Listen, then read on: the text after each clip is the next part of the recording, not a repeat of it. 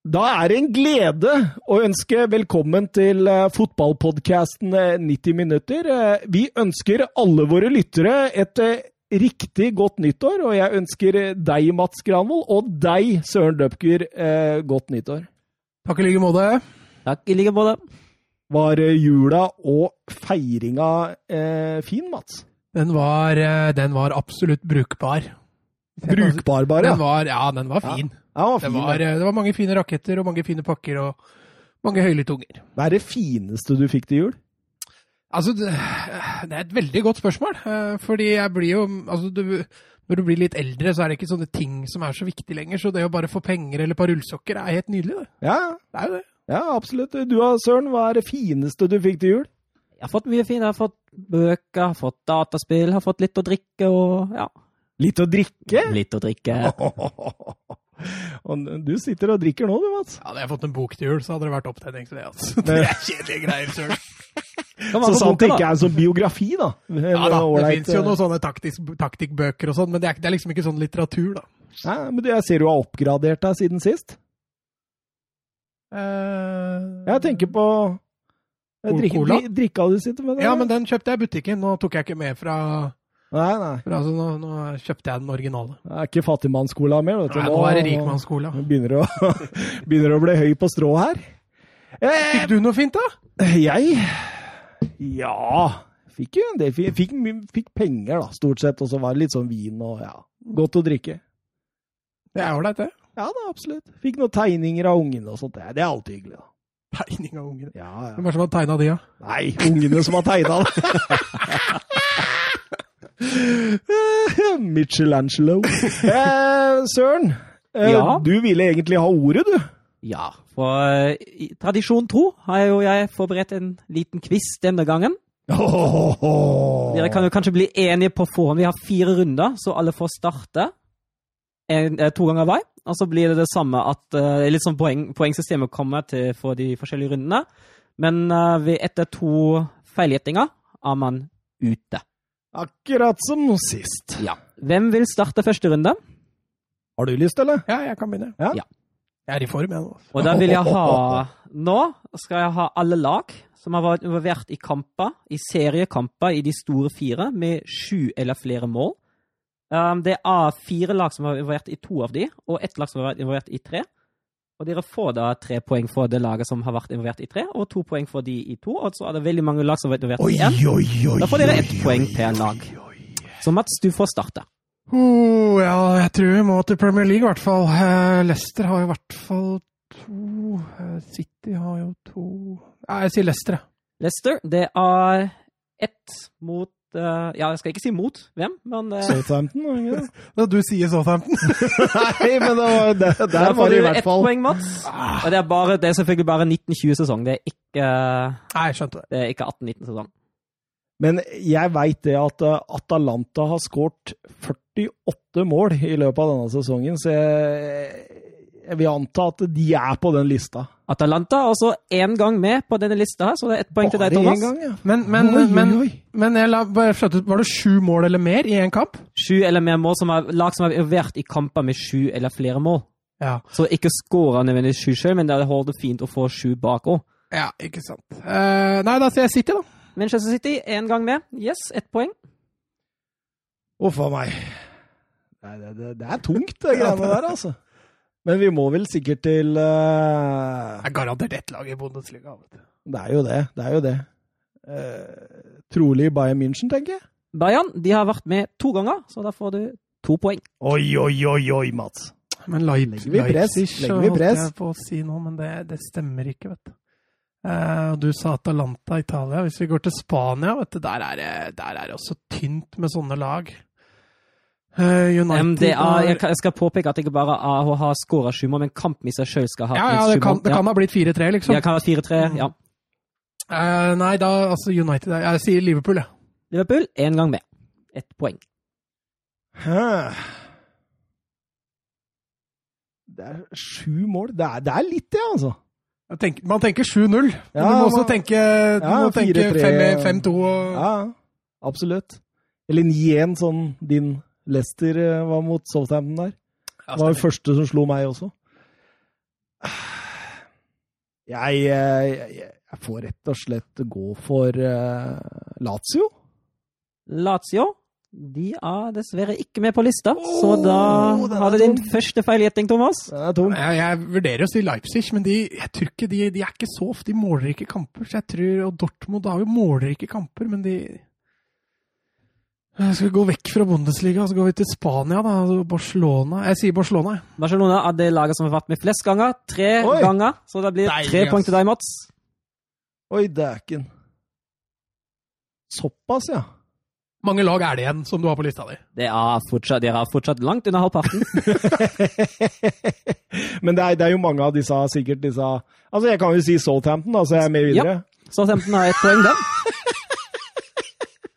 Hva var det Atalanta møtte, da, når de uh, Ja, nei, jeg sier Leipzig, jeg. Leipzig, ett poeng. Du fikk den, ja. Du fikk den, faktisk. Det var litt overraskende. Uh, har du tatt Dortmund? Nei, da sier vi Dortmund. Og da er du dessverre ute, Thomas. Oi, oi, oi! Så... Da kan jeg bare fyre på, jeg, da. Du kan bare fyre på, Mats. Nå er det sjansen til Nei, å Da går jeg faktisk ut og henter snusen min. Jeg prøver meg på Inter, jeg. Inter én gang med. Det stemmer, da. Da prøver jeg meg på Real Madrid.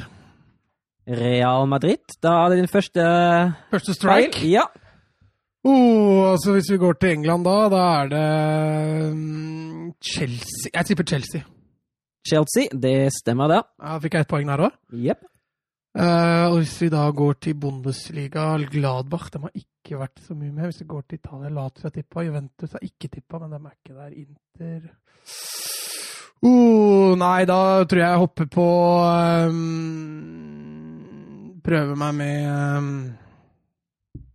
Herregud, jeg sier Gladbach. Borussia Mönchenglattbar de er dessverre ikke med. Og da er jeg ute, jeg, da. Du er ute. Uh, det er grusa Thomas, tror jeg ikke det? Du leder nå med fem poeng. Oi, det står 9-4. Altså, Leipzig vant 8-0 mot Mainz. Uh, Mainz var faktisk vært to ganger, for de tapte også 6-1 mot Bayern München. De andre som var med to, var Napoli. 3-4 mot Juventus og 4-3 mot Fiorentina. Mm. Og Cagliari 4-3 mot Sampdoria, 5-2 mot Fiorentina. Godt for Juventus. Og selvfølgelig ja, jeg, har ikke, jeg har ikke fulgt med nå, vet du. Jeg, må, jeg, måtte ha denne snusen min. Vet du. Jeg, hvor mange poeng fikk du? Jeg fikk fem mer enn deg, i hvert fall. Oi. Det står 9-4. I runde to da skal vi ha alle lag som i de fire ligaene har vært på sisteplass etter en spilt runde. Selvfølgelig eksklusivt en uh, hengekamp i Premier League og eksklusivt Lazio Hellas i Italia som ikke har blitt spilt så er det ett lag som har vært soloklart flest på sisteplassen i flest runder. Og så er det det får dere tre poeng for. Og de to andre som har vært nest oftest på sisteplassen i løpet av den sesongen, får dere to poeng for. Eller andre får dere ett poeng for. Såpass. Og der får Thomas begynne nå. Dette er jeg dårlig på, altså. Akkurat de greiene her er jeg skikkelig dårlig på, fordi jeg leser eh, tabellen ovenfra og ned. uh, det er stort sett bare i Norge jeg har brydd meg om nedrykksstriden de siste åra. Eh, men eh, Ja, det er sant!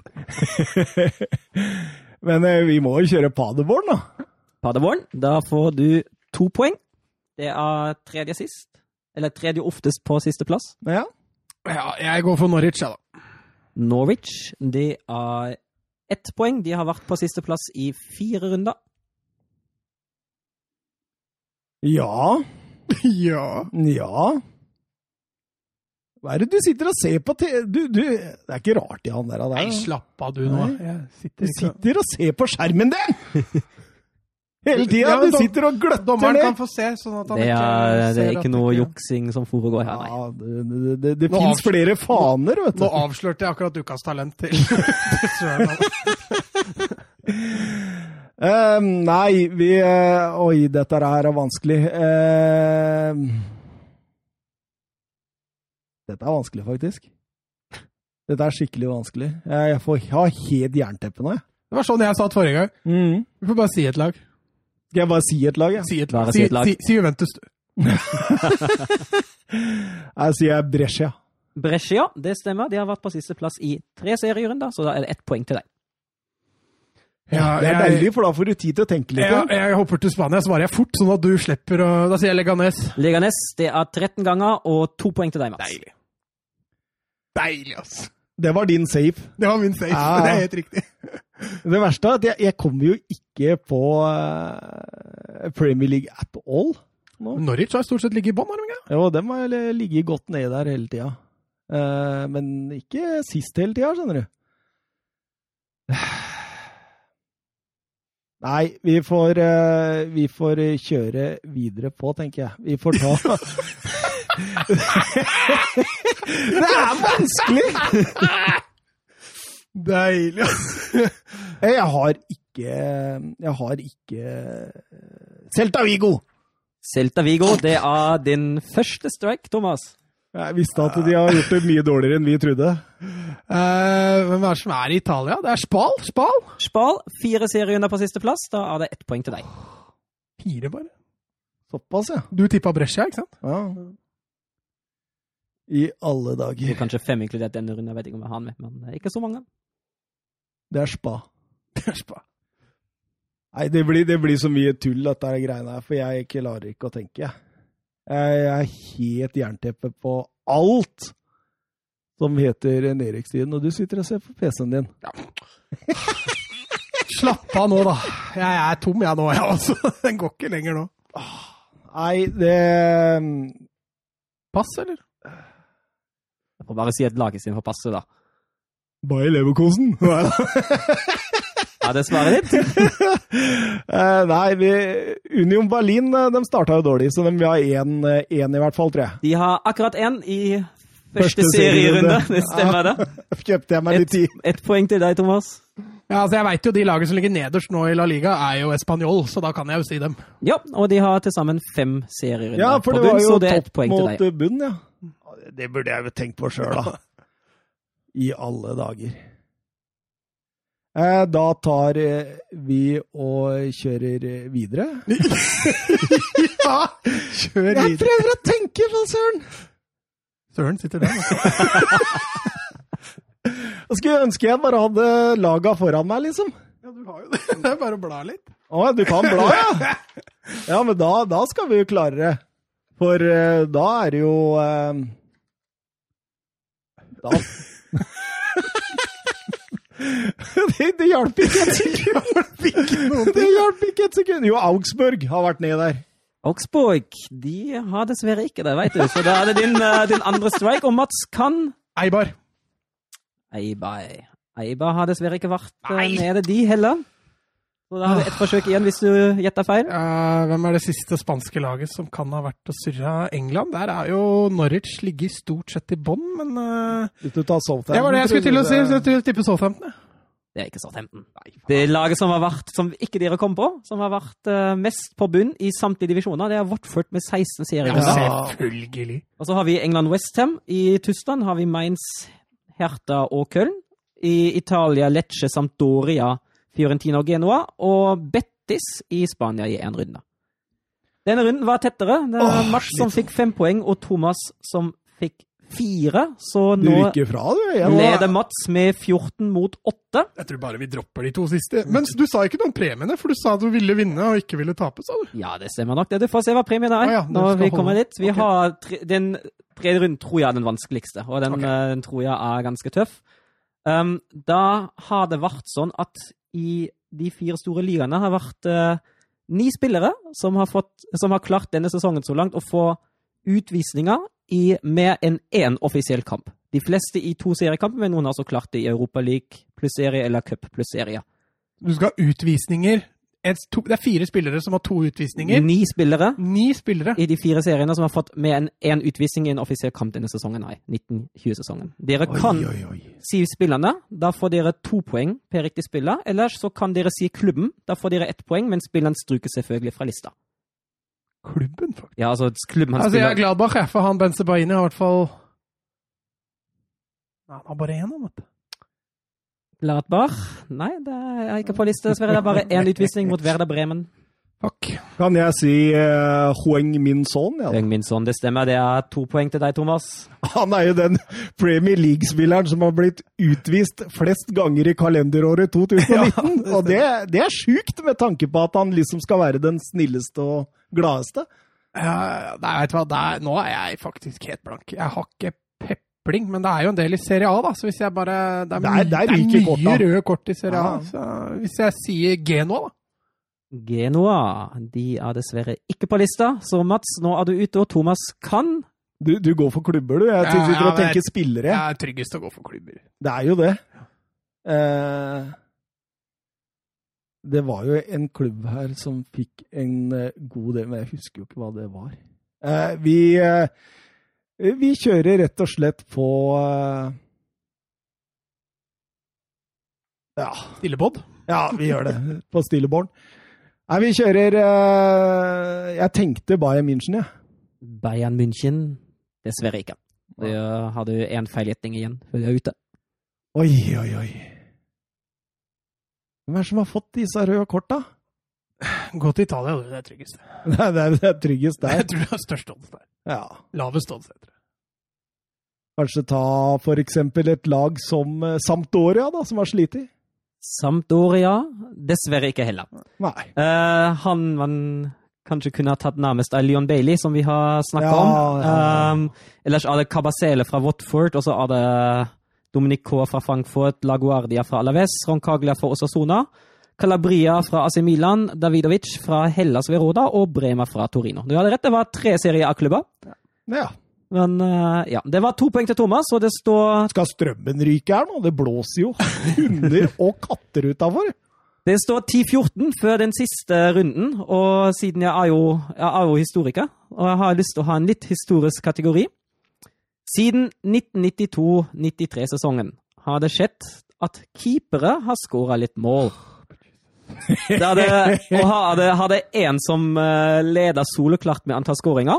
Eh, han får dere fire poeng for. Så er det en som ligger på andreplass. Han får dere tre poeng for. Og så er det to stykk som har skåra to mål. Så den får, de, får dere to poeng for. Og resten av disse keeperne som har skåra, får dere ett poeng for. Og da er det selvfølgelig kun seriekamper i de, på de øverste nivåene i de fire seriene siden 1992-93-sesong.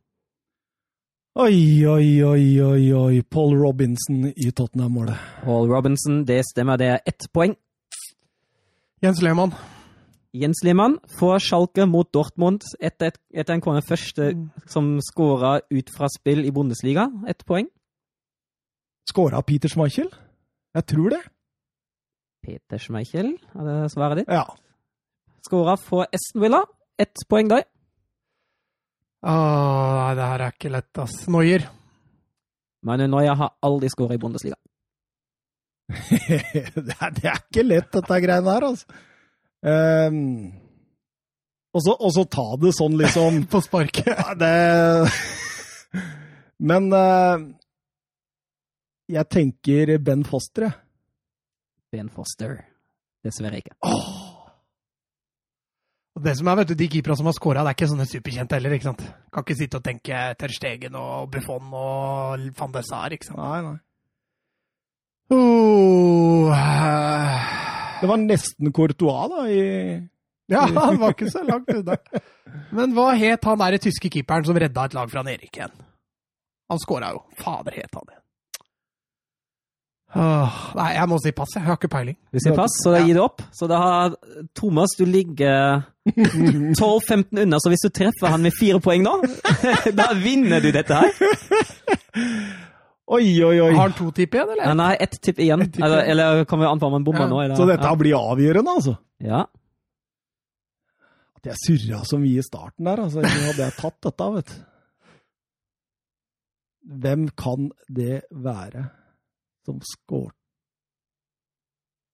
Det blinker i lyset her. Ja, gjør det. Ikke la deg distrahere nå. Nei, det, altså, vi, vi skal være på lufta selv om strømmen går nå.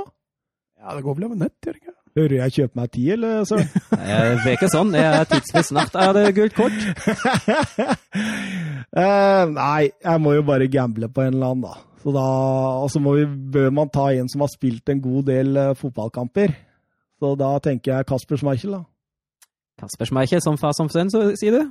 Ja. Dessverre ikke. Eh, han som hadde skåra mest, 26, var Hans Jørg Bott. Uh, straffetakeren for Hamburg og Leverkosen. Eh, så var det uh, seks skåringer for Ignacio Gonzales for Las Palmas. Og så var det to var for Bratz i Betis og Køpke i Nürnberg. Og fra Premier League-keeperne som har skåra, er det Tim Howard, Brett Friedel og Asmir Bergovic. Bego Bergovic, det var den langskuddet. det. Ja. Tim Howard eh, også, tror jeg. Ja. Ja. Um, Nei, men vi- hvem var så vant, egentlig? Kan da ikke du annonsere det Mats var det? med 15 poeng mot uh, de 12 fra Thomas. Og det som er litt morsomt, er jo at nå har vi alle vunnet hver vår runde. Ja, det har Det er jo veldig gøy. Men da har vi førstepremien til Mats, som er en Kvikk Lunsj. Oi, Jeg er så dårlig taper òg, vet du. Det er, det er, jeg, det, det, Å, du! Åh. Ah, jeg, Og så har vi jeg andre er på lavkalori for tida, så det er helt greit. Og så har vi jo jeg kjøpt en sånn fantastisk lue til, eh, til Wolfsburg. En sånn fin nisselue. Så den får Thomas sitte med og lede programmet med nå, tenker jeg. Deilig. Skal jeg ta et bilde? Skal du ta et bilde av meg med Wolfsburg-lua? Ja, jeg har allerede et bilde av deg. Men eh, nå, nå, eh, nå Søren, nå eh, sier jo du at dette er taperlue, da. Nei, det er andreplassen. Ja, av to. det er deilig. Var jeg fin, eller? Ja, Nå ja. har jeg sittet med Blackburn. Du må lene deg litt framover. Hæ? Ja, Men jeg kan ikke lene meg framover når jeg snakker. Nei, det er greit. Jeg har tatt bilde. Ja. Good! Skal vi kjøre eh, intromusikk og så sette i gang dagens eh, episode? Ja, jeg skal bare åpne Kvikk-lunsjen. Ja, du skal det, ja. ja. Det var ikke så imponerende. skjønner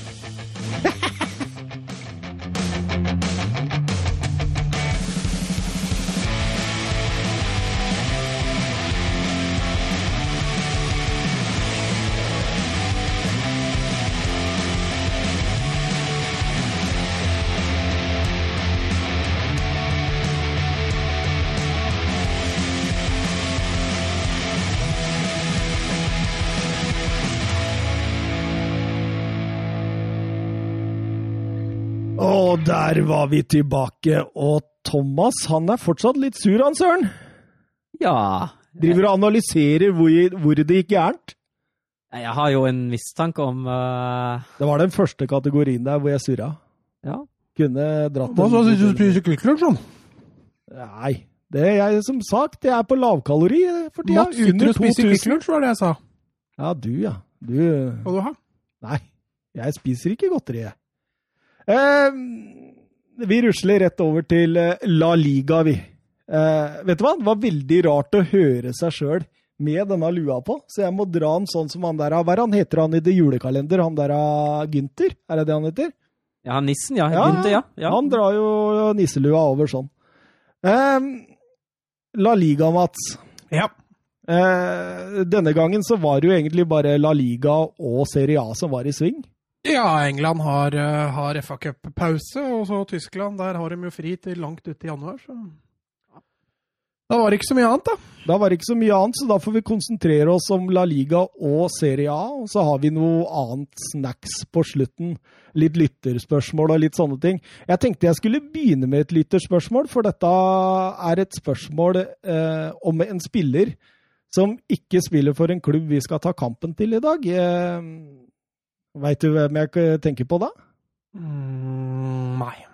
Nei, for det var Petter S som skrev et spørsmål her. Og, og jeg ble veldig glad når jeg så det spørsmålet, for jeg har tenkt akkurat det samme som han. Eh, og det er jo når jeg har sett disse Osasona-kampene. Og han Shimi Avila Ja. eh, Fantastisk spiller, skriver Petter S her. En spiller for større klubber? Var det et spørsmål? Det var et spørsmål, Ja. spørsmålstegn på slutten der. Uh, ja, så han er jo, han er jo kanskje undervurdert. Uh, en veldig energisk spilletype. veldig lavt tyngdepunkt. Uh, ikke noe sånn utprega målskårer, og det er vel det som gjør at uh, storklubba holder seg litt unna i øyeblikket, i hvert fall. Men, men for Osasuna så er han jo uvurderlig. Altså, jeg har blitt kjempeimponert over det jeg har sett foreløpig, han. Altså, jeg har fått han inn i en klubb som spiller med to spisser, tror jeg Mm. kunne vært gull. Ja, Men hvis du ser på storklubba rundt om i, i Europa nå, så er det jo det er jo nesten bare Inter og til dels Juventus som, som spiller med to reine spisser. og Da, da veit jeg ikke helt eh, hvor han passer inn. da. Nei, og han blei vel henta Det er vel ikke så veldig lenge siden han blei henta til Osasona heller, så Nei da, han har ikke vært der så lenge. Kanskje Atletico, da. Ja. Kunne vært en, eh, en type å ha ved siden av Morata, kanskje. kanskje, kanskje. Eh, Der kom vel Kavani inn nå, etter hva jeg hører. Eh, Veldig sterke rykter, i hvert fall. Eh, Allerede enige om personlige betingelser, men PSG er litt usikre på om de vil slippe den. Ja, altså Atletico er ikke villig til å betale så mye for den med tanke på at kontrakta går ut til sommeren. Men eh, Atletico de er ganske bestemte på at de trenger en, en spiss til, og det, det, skjønner jeg. Tror du Cavani kunne gjort det i Atletico Madrid, eller hadde det blitt en ny uh, Morata? Nei, jeg tror jo Altså, Atletico sliter jo med, med effektiviteten. Så jeg tror Cavani kunne absolutt hjulpet dem. Om det er bare i noen år, med tanke på alderen. Men jeg tror sånn i en, i en fase nå som de er tror jeg det kan, kan bli veldig greit. Ja, det er jo som du sier der, ak akkurat med tanke på alderen, at eh, Atletico er ikke villig til å betale så veldig mye for en 33-åring. og det, det skjønner jeg godt, og da, det er litt rart også at PSG tviholder på han, for han er jo et soleklart andrevalg i, i PSG, så Og de har jo vunnet ligaen allerede, så da er vel Champions League da, i forhold til cover på Icardi, tenker jeg. Ja, det er vel, eh, er vel noe der også. Eh, så nei, jeg tror Cavani og Atletico er en god match i en kort periode for å få løst litt på de der målskåringsflokene sine. Ja. Skal vi eh, hoppe til runden? Det var en kamp på fredag der med om Sevilla og Atletic. Eh, den endte 1-1, den, Mats? Ja, det var jo egentlig et fyrverkeri av en fotballkamp, det òg. Eh, to offensive lag, og egentlig ganske utrolig at det der bare ble to mål i den kampen. Mm. Jeg begynte med 0-1. Uh, scoring Ander Kapa. Han, han har vært uh, bra. Ja, Frisk, offensiv høyrebekk. Blir jo wingback, så han er jo mye mer framover. Ja, han er mye mer framover. Han skåra vel sitt andre mål nå på, på fire kamper, så han, han er med framover. Mm. Og 1-1 kom ut i annen omgang der selvmål av midtstopper Unai Nones. Ja, fantastisk angrep av Sevilla. så det, At det endte med skåring, det, det, var fortjent. Måten Sevilla broderer seg gjennom på høyrekanten der, er det er vakker fotball, og, og um, selvmål der må nesten ha vært uunngåelig òg, for bak der så sto jo Luke de Jong på blankhold. Det er klart, han har jo vært ineffektiv i år, så kanskje vært bedre å bare la han få den. da. Ikke sikkert det hadde, ikke sikkert det hadde blitt mål da. Eh, Søren, spiller du mye på oddsen, eller? Nei, ganske lite i det siste, altså. Nei, fordi eh, når du ser på statistikken mellom disse to laga, så kunne jo en U vært lurt å tippe i forkant der. Fordi i La Liga-historien har disse laga vunnet 69 kamper hver mot hverandre, og 31 uavgjort. Så dette ble den 32. uavgjorte. Mm. Eh, ekstremt jevnt, altså. Eh, men det, det, er jo første kamp faktisk på 16 de spiller U, da. Eh, så det, det taler jo litt imot igjen. Men eh, Jesus Navas, forresten. 500 eh, kamper. Er det bare å hylle, eller? Ja, det er bare å hylle. Han, han er bunnsolid og blitt en viktig brikke for dette Sevilla-laget igjen, etter at han dro og kom tilbake igjen. Og nå begynner jo alderen å tære litt på han òg, men det, er litt sånn, det er litt sånn pensjonistenes år i, i, Spania i år, med, med Casorla og Navas og Joaquin som, som briljerer, så det er, det er gøy. Mm. Det er vel bare fire sesonger i City som hindrer han for å bli en sånn virkelig one man-klubb. Eh, one ja. club man, er det vel det heter. one man club. Ja, nei, vi får se. Det er gøy. Jeg tror David Silva og kanskje Mata også kommer tilbake igjen til La Liga neste år, så det blir mye pensjonister da. Ja. Eh, tror du Loppetegi er fornøyd, eller? Uavgjort hjemme? Nei, resultatmessig tror jeg ikke han er fornøyd, men spillmessig, altså Sevilla var i mine øyne det er klart beste laget. Eh, Bilbao var farlige på overganger. De har mye hurtighet i laget og offensive backer, men uh, Sevilla kunne fort ha skåret både ett og to til. Mm. Så jeg tror nok Loppetegi er misfornøyd med resultatet, men at han uh, når han ser kampen, så ser han jo det at Sevilla har gjort en uh, god kamp. Gjort en god kamp, ja. Og Luke de Jong igjen hadde noen store sjanser. Ja, ja, han fortsetter. Det var det jeg sa. Det var nesten bedre å latt den gå, så kunne Luke de Jong få bomma isteden. Eh, jeg ler hver gang jeg hører navnet på han dommeren, jeg. Ja, jeg husker ikke jeg som var dommeren. Gonzales Gonzales. Ja, ja, ja. Edvardsen, Edvardsen. Hver gang det er noen som nevner det der, så begynner jeg å le, liksom. Det er akkurat det samme som når vi dro på den uh, turene til Sverige, vet du. Og du lo hver gang vi passerte Tullen. Ja. Det er litt av det samme med Gonzales Gonzales for min del. Eh, Valencia Eibar. Det var lørdag, det. Tidligkamp lørdag. Ja. Eh, 1-0. Eh, Maxi Gomez etter 27 minutter. Eh, Valencia går inn i 2020 og fortsetter 2020 uten tap eh, hjemme i, i Mestalla i seriespill. Ja, en førsteomgang der de feide gulvet med, med, Eibar og leverte tidvis sprudlende offensivt angrepsspill. Det har vært en av de beste hjemmekampene jeg har sett av Valencia i år. Eh, burde ha leda egentlig 3-0. De har jo nesten bom på åpent mål, og de sliter nesten med å få skåret. Så andre omgang jevner seg litt mer ut. Eibar får, får nok en skyllebøtte i pausen, og, og, kunne fort ha fått en, et fantastisk hodestøt på den corneren, eh, som header i tverrleggeren. Så det kunne ha fått noe ut av det, Eibar. På, det hadde vært av Valencias ineffektivitet. Så det er fullt fortjent at Valencia sitter med, med tre poeng. Ja, Valencia, Søren, eh, meget gode hjemme. Har eh, i løpet av sesongen eh, spilt ti hjemmekamper. Ikke tapt. Fem seier og fem uavgjort. Ja, det Stikk motsatt som Español, det der?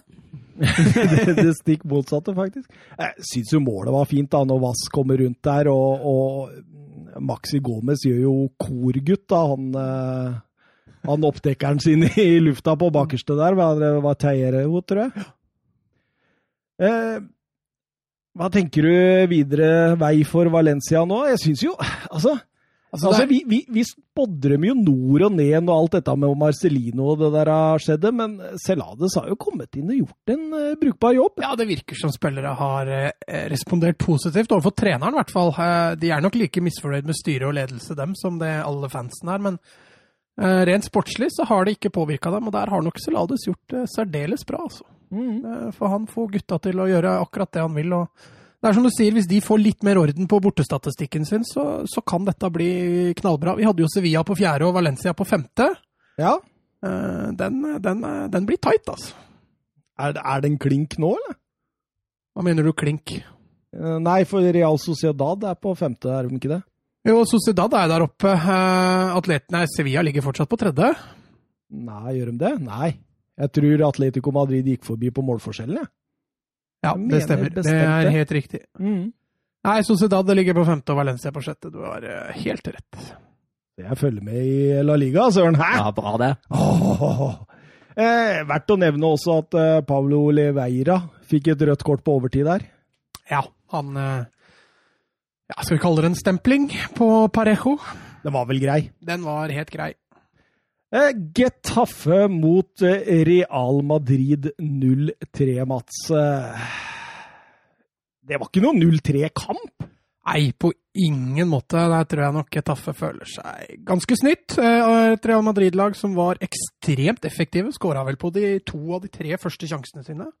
Mens Getafe brenner ja, alle sjansene de har. Det kunne vært, egentlig vært 3-3 i den kampen der. Ja, absolutt. Men uh, det er dette som jeg syns liksom kjennetegner litt Real Madrid for tida. At de, de, er, de, er, liksom litt solide nå. De har litt flyt. Uh, det ser absolutt bra ut. En 0-3-seier mot Getafe på, på Alfonso Colosseum, det det lar seg gjøre, det. lar seg høre, altså. det, er det, er faktisk Getaffes største tap under José Bordelas siden august 2017. Mm. Så det sier det aller, aller meste. Og så er det jo eklatant forskjell på keeperspill her i den kampen. Det er jo en som briljerer, og så er det en som uh, bokser ballen i sitt eget mål og tabber seg ut. Så da det blir det som det blir. Ja, Courtois var strålende. Ja, han hadde noen feberredninger der som var uh, Altså, Så lenge han får skuddene på strek, når han står på strek, så har det en fantastisk rekkevidde altså, som, er, uh, som er helt nydelig. så han, uten Hadde de hatt en annen keeper der, så kan det fort ha blitt en baklengs. Selv om avslutningene kommer jo Altså, han er, er, han den høyeste keeperen i verden, eller? Ja, jeg syns han er så diger. Han er svær, altså. Han er svær.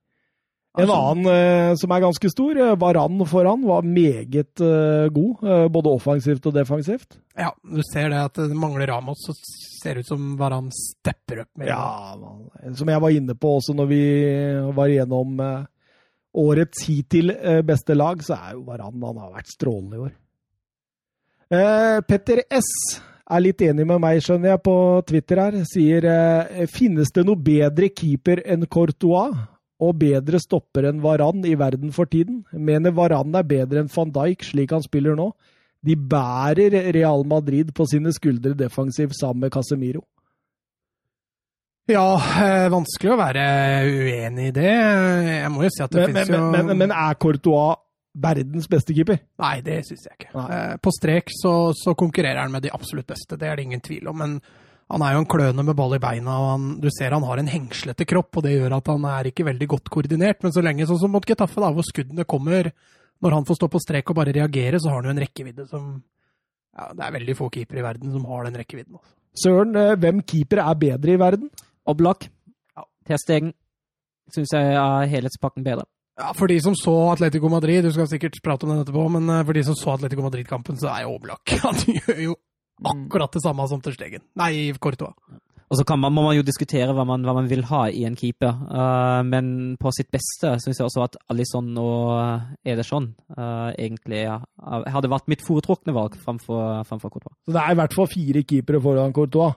Ja, men altså, det er jo som Søren sier, da, kommer an på hva du, hva du foretrekker. Altså, Skal du ha en skuddstopper, så, så er nok Courtois og Oblak eh, kanskje de to beste keepere i verden. Men skal du også ha keepere du kan bruke i frispilling, da, så, så tror jeg jeg hadde tatt både Ter Stegen og Alison og Beck, Becker. jeg si, Alison og Ederson. eh, Alison og Becker. ja, Alisson og Becker. Før jeg hadde tatt Courtois, altså, for han, eh, han er skummel med ballen i beina. Men er Varan bedre enn van Dijk per dags dato? Ja, altså, Det er et godt spørsmål. Det er så vanskelig å sammenligne sånne ting. For det er, altså, det er egentlig ganske like typer. Men, men hvis du tar Varan ut av Real Madrid, Søren, og så tar du van Dijk ut av Liverpool, hvilket lag blør mest? Oh, Liverpool. uh, Liverpool. Ja, ja, kanskje Liverpool, ja. Ja, men det, men det, er, det er litt også fordi uh, i Premier League da, så har du langt flere tøffere kamper enn du har i Spania. I Spania så har du selvfølgelig mange tøffe kamper der òg, men jeg tror du blør mye mer hvis du mister én spiller i Premier League enn det du gjør hvis du mister i La Liga. Mm.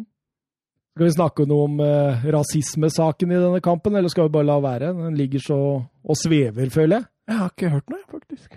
Har du ikke det? Jo, jeg har hørt noe, Men, uh, Altså, Det handler jo om Cucurella og, eh, og Ederson Militao. Eder Eh, Militao. Eder Militao. Jeg var inne på keeper her. eh, det skal ha vært påstått at han har kalt den for en apekatt. Altså altså Kukureya har kalt Ok. Men uh, Kukurea han uh, påstår at han sa 'klapp igjen nebbet'. Og det, det, forskjellen på orda det er pico og miko, etter hva jeg forsto. Ja. Det er de to Det, er, Det går an å høre feil. det går an å høre feil. Og, men, men det som er problemet, det er at eh, Militao har ikke sagt noe. Nei. Så dette er anklager som kommer eh, fra et eller annet annet sted, og som traff eh, Cucurella skikkelig i trynet når han kom hjem etter kampen. Ja. Eh, tror ikke vi gidder å kommentere det, siden det ikke er noe særlig mer. Han kan ha like godt sagt 'klapp igjen nebbet', liksom. Mm. Nei, vi glir gratt over. Men eh, det skal sies at Gold-TV de hadde en sånn 15-20 minutter lang sekvens der de eh, analyserte alt de kunne da, på hva han sa og ikke sa. Og hva Og, han gjøre. og de kom fram til hva da? Nei, de eh, kom vel egentlig fram til at de trodde han sa 'klapp igjen eh, nebbet'. Ja. Mm. Eh, Atletico Madrid Levante 2-1. Eh, ja, kom fint i gang på Wanda Metropolitana der.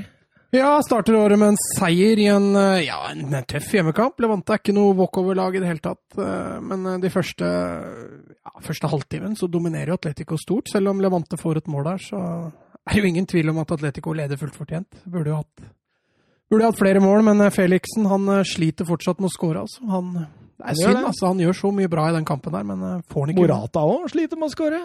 Ja, ja, men han har jo sju mål til nå, da. Så han, det er ikke voldsomt på 19 kamper, eller hva det er. Eh, så du innlegget fra Trippier, eller? ja, men han har jo hatt sånne innlegg i hele år, da. Ja, men altså, akkurat de der var han kjent for i Tottenham også. De også slå han inn på første på en slags sånn volleyinnlegg. Mm. Eh, fantastisk gjort, altså. Det på er- assisten til Korea. Ja. Mm. Eh, var jo ikke dårlig, den eh, assisten som kom fra andre kanten, eller Renan Lodi. Nei, den var vakker, den. Og feiringa til Filipe er jo altså, Ja, så du den, det er eller? Det helt- var sånn capoeira-feiring. du gleder deg, håper Ja, ja. Filipe skårer i hver kamp, for da får du litt sånn eh, akrobatikk. det var vel hans første mål i La Liga, tror jeg, hvis jeg ikke tar feil? Eller? Ja, han- jeg var det Champions League han skåra, da, eller? Jeg tror det. Han har skåra ja, tidligere i Atletico, men det er mulig Jo, det var mot uh, Moskva. Stemmer det. Men eh, som du var litt eh, inne på litt tidligere her, så var jo redningen til Oblak mot eh, Varebardi. Ja, man hadde flere. Åh, men den siste Ja, ja. Bardi, det er fantastisk. Bare får opp lanken der og vipper den over.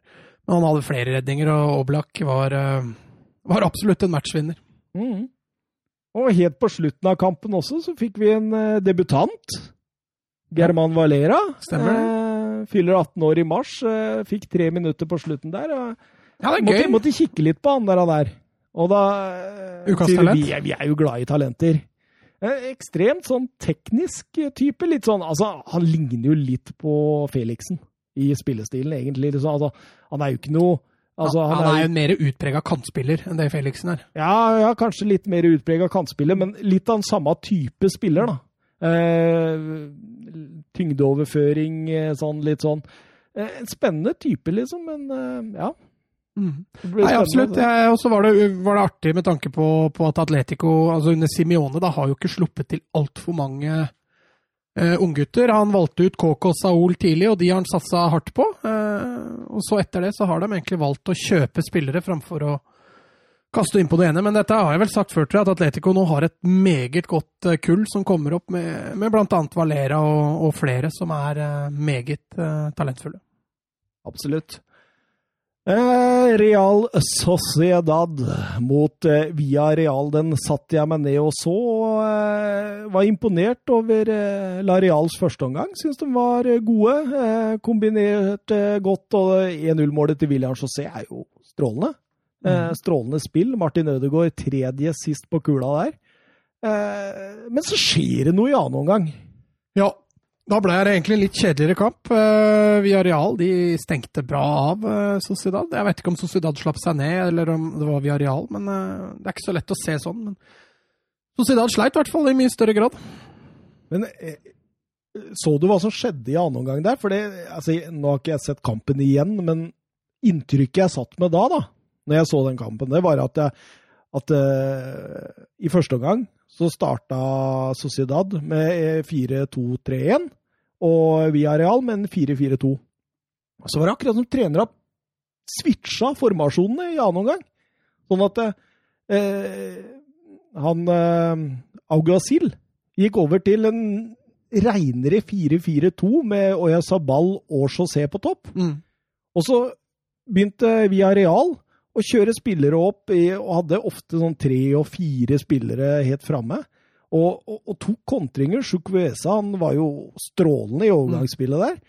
Og, og satt dem virkelig på, på prøve der, altså. Jeg, jeg føler liksom at uh, Aguasil tapte den, den taktiske, duellen. taktiske, duellen. i annen omgang der, og at det var det som var grunnen der. Altså. Ja, og så er det jo herlig å se Casorla, da. Når han eh, får litt mellomrom og får ja. litt flyt. Altså. Det, han er en herlig spiller. Han er spiller, altså. Absolutt. Litt rart at uh, Subeldia ikke fikk sitt andre Han var ikke stepper inn på sånt? Hva er det der, liksom? Nei, De stepper ikke inn på, på, gule kort, eller andre gule kort. Det gjør de ikke. Nei, nei, men du kan jo steppe inn på rødt. Ja, du kan det. Og det er jo klink. Det er klink. Ja, hva sier vi om Martin Ødegaard, da? På det jevne, eller? Ja, Første omgang var han jo OK, andre omgang var han ganske usynlig. Han får jo ikke, får jo ikke briljert. Han blir jo stuck litt mer ut på kanten i andre omgang. Ja, han får, finner ikke rommet, han finner ikke det han skal, og blir litt uh, borte. Mm. Hvis og, kan si det. Det er femte gang denne sesongen uh, Lareal leder, men uh, taper poeng. Mm. Når Carsorla setter uh, Er det 1-2 der på slutten? Ja, det tok jo vinter og votter før de fikk bestemt seg for at det ikke var offside. ja, det tok lang tid! Via Real feira jo heller ikke skikkelig. De trodde jo at dette kom til å bli offside. Men det viste seg at han var en hæl onside. Mm. Og da ble det mål. Carzola, altså. Han, han har det enda. Ja, altså, det er jo litt Ser jo sånn nesten litt utrent ut. Ja, men, ja, men det er blitt en sånn solskinnshistorie, der han fikk beskjed i Arsenal om at han var ferdig som fotballspiller, og så kommer han hjem igjen da, i gåseøynene til Villarreal og finner tilbake igjen til uh, Ja, du ser jo, han er jo fortsatt litt Han er jo blitt treigere, selvfølgelig, men, uh, men faen, du ser han har ekstremt mye i seg ennå. Han kan spille med kula i beina, i hvert fall. Definitivt. Español Barcelona, vår hovedkamp. Eh, hovedkampen valgt av eh, Mats Granvoll. Ja, jeg visste du kom til å si det der. Det var derfor jeg, jeg prøvde å ikke ta det som hovedkamp. Jeg prøvde jo å hinte frampå med Getafe Real Madrid, men eh. Ja, eh, Barcelona Derby. Eh, Spanjol eh, sparka jo eh, treneren sin Pablo Marcin i jula.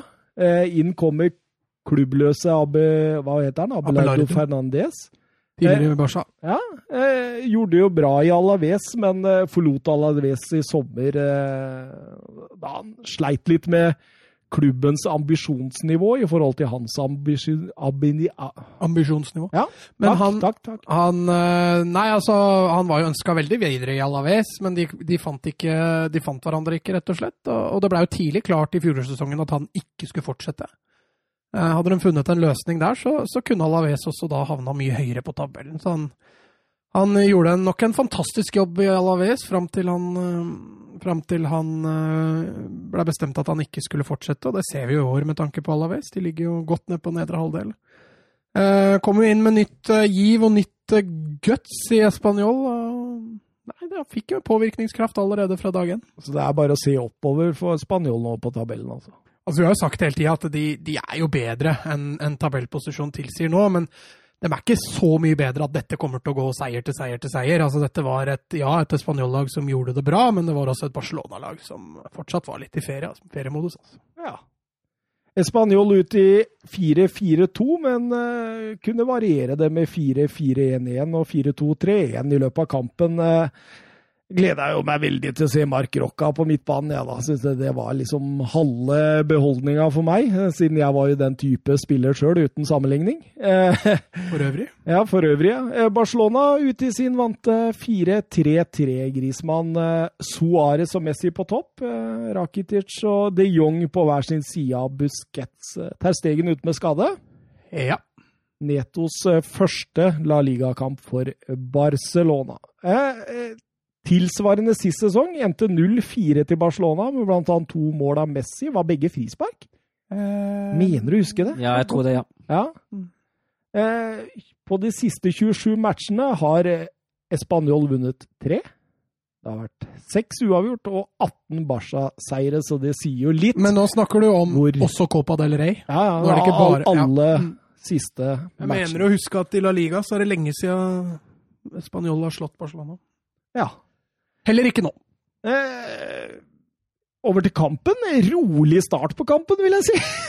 Ja, Spanjol så du hadde en veldig klar plan. Altså, det var eh, det var å tette det meste av rom og ligge lavt og, og kontrollere. eh, og, eller la Barcelona ha ballehavet. Ikke stresse opp kampen så godt de kunne. Og de fikk det jo tidlig inn i sitt spor, egentlig. Og det er jo litt i Abelardos ånd nå, ifølge han kommentatoren som kommenterte. Han hadde fulgt mye med en i Alaves, og det var jo litt sånn stram defensiv struktur. eh, Tett eh, mellom spillere, med tette rom eh, og kjøre overganger. Ja da, at han kan det. det, det er, han var jo en strålende stopper og back en gang i tida i, i Barcelona, så at han kan Er det han Abelardo, ja? Ja, ja. At han eh, okay, Nei, det er han, er han, er han andre Abelardo. Ja, han der, ja. Han, eh, at han kan defensiv struktur, det, det har han vist tidligere. Eh, det skjer jo egentlig ikke en damn shit i denne kampen her før målet kommer.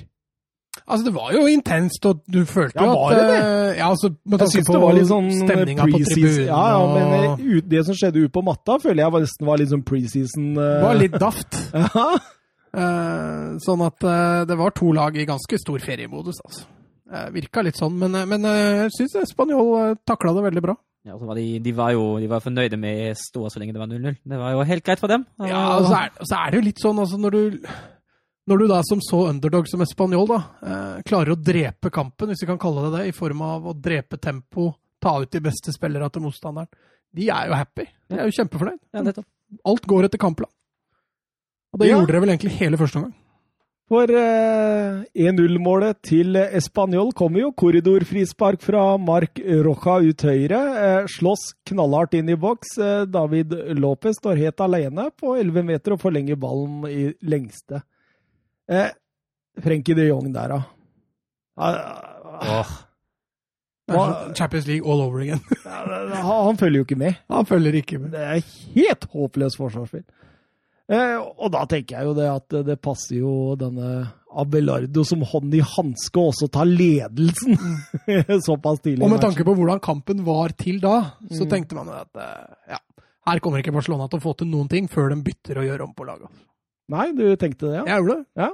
Du fikk jo for så vidt rett, da. Jo, jo, men, men altså, det, det var liksom så energiløst. Eh, Og dette har jeg snakka om før også. Det, det Barcelona-laget offensivt på bortebane, det, det, er nesten litt skremmende hvor langt unna dem er sin egen identitet. da. Mm. Uh, og hvor stillestående det er på det, det, på den, på det laget der. At det, det, er nesten litt skummelt. På hjemmebane slipper de unna med det, uh, for der finner de rom. Men på bortebane så finner de ikke bevegelse. for det er jo ikke så rart. Det er jo ikke noe der. Nei, Og så tenker jeg jo det at eh, de savner, altså i disse type kampene, da så savner de han spilleren som kan diktere tempoet i kampen mye mer. Som kan på en måte slå om tempoet i angrepsspillet, for det går veldig mye samme takt og tone hele veien, hvis du har lagt merke til det. Men det altså, men... Ha den spilleren da, som på en måte eh, driver litt opp og, og slår den knallharde ballen ut. Og får den tilbake igjen og går på løp den savner dem litt i de kampene her, altså. Mm, men det, det, er nok planen at det skal være de Jong, men uh, Ja, men han spiller jo bare sidelengs. Ja, men problemet der òg er jo det at eh, når de Jong har kula Altså, du har Messi foran deg på banen, han tusler jo rundt. Mm. Uh, han leiter bare etter rom, stort sett gående. Uh, du har en Suárez som Jobber jo hardt. Ja, han jobber hardt, men det er liksom, det er liksom så dødfødt, det han driver med. Mm. innimellom, da. og så har du en Grismann. Han, han vil jo veldig mye, men han han passer jo ikke inn. Han passer jo rett og slett ikke Nei, inn. Ikke det. Og det, det, er klart da, Å drive opp tempo for en Frenkie de Jong fra midtbaneleddet, det, det, er ikke lett, altså. Jeg tør å påstå at kjøpet av Grismann det er en av overgangshistoriens største. Vi kjøper navn istedenfor spiller. Ja, jeg er helt enig. Passer ikke inn. Det, det, det ser nesten litt latterlig ut når han løper rundt på venstrekanten der, altså. Ja, han, er, han er på grensa til å bli den nye Coutinho. Ja, det, altså, jeg ville heller ha Coutinho der, ja, faktisk. Men du ser jo, når han blomstrer i Bayern München, så spiller han i tierrollen. Ja. ja. Uh, den får han aldri i Barcelona. Nei, og da spørs det om han kommer til å blomstre i Barcelona uansett. Og Det samme kan du kanskje si om Grismann. Gir du Grismann tierrollen, så tror jeg kanskje det at ja. han uh, blomstrer mye mer også. Ja, eller, eller Suárez-rollen, men nå er jo Suárez så god der, da. Ja, han er dritgod. Mm. Han ble jo månedens spiller i desember. Ja, han ble, han ble. Nei, for kampen går jo sånn den går, i samme takt og tone. Barcelona har mye ball. Eh, Español liker å, å, ligge bak, og de tar jo heller ikke kontringene så voldsomt, syns jeg. De er mer opptatt av å beholde ballen i laget og få litt pusterom. Det, det, det, men det de er gode til når de en sjelden gang er der oppe uh, og mister ballen, da går de godt i gegenpressing de få gangene de er der oppe. Uh, og hindrer at Barcelona får bygge seg opp de aller, aller fleste gangene. Så det, det skal de ha all ære for. Helt enig med deg, og spesielt i andre omgang. Uh, så syns jeg det er et, uh, er et godt poeng. Uh, og det fører ja, Nå hopper jeg litt fram her, men det fører jo til det skjebnesvange røde kortet, blant annet. Ja, absolutt. absolutt. Sånn at Spanjol justerer seg faktisk litt i pausen der, og det, det lykkes dem jo greit med. Og det skulle gå hele 40 minutter før Barcelona får sin første store, klare sjanse. Sergio Roberto som slår et innlegg på bakerste. Der kommer Messi helt aleine, helt upressa men må bruke hodet sitt.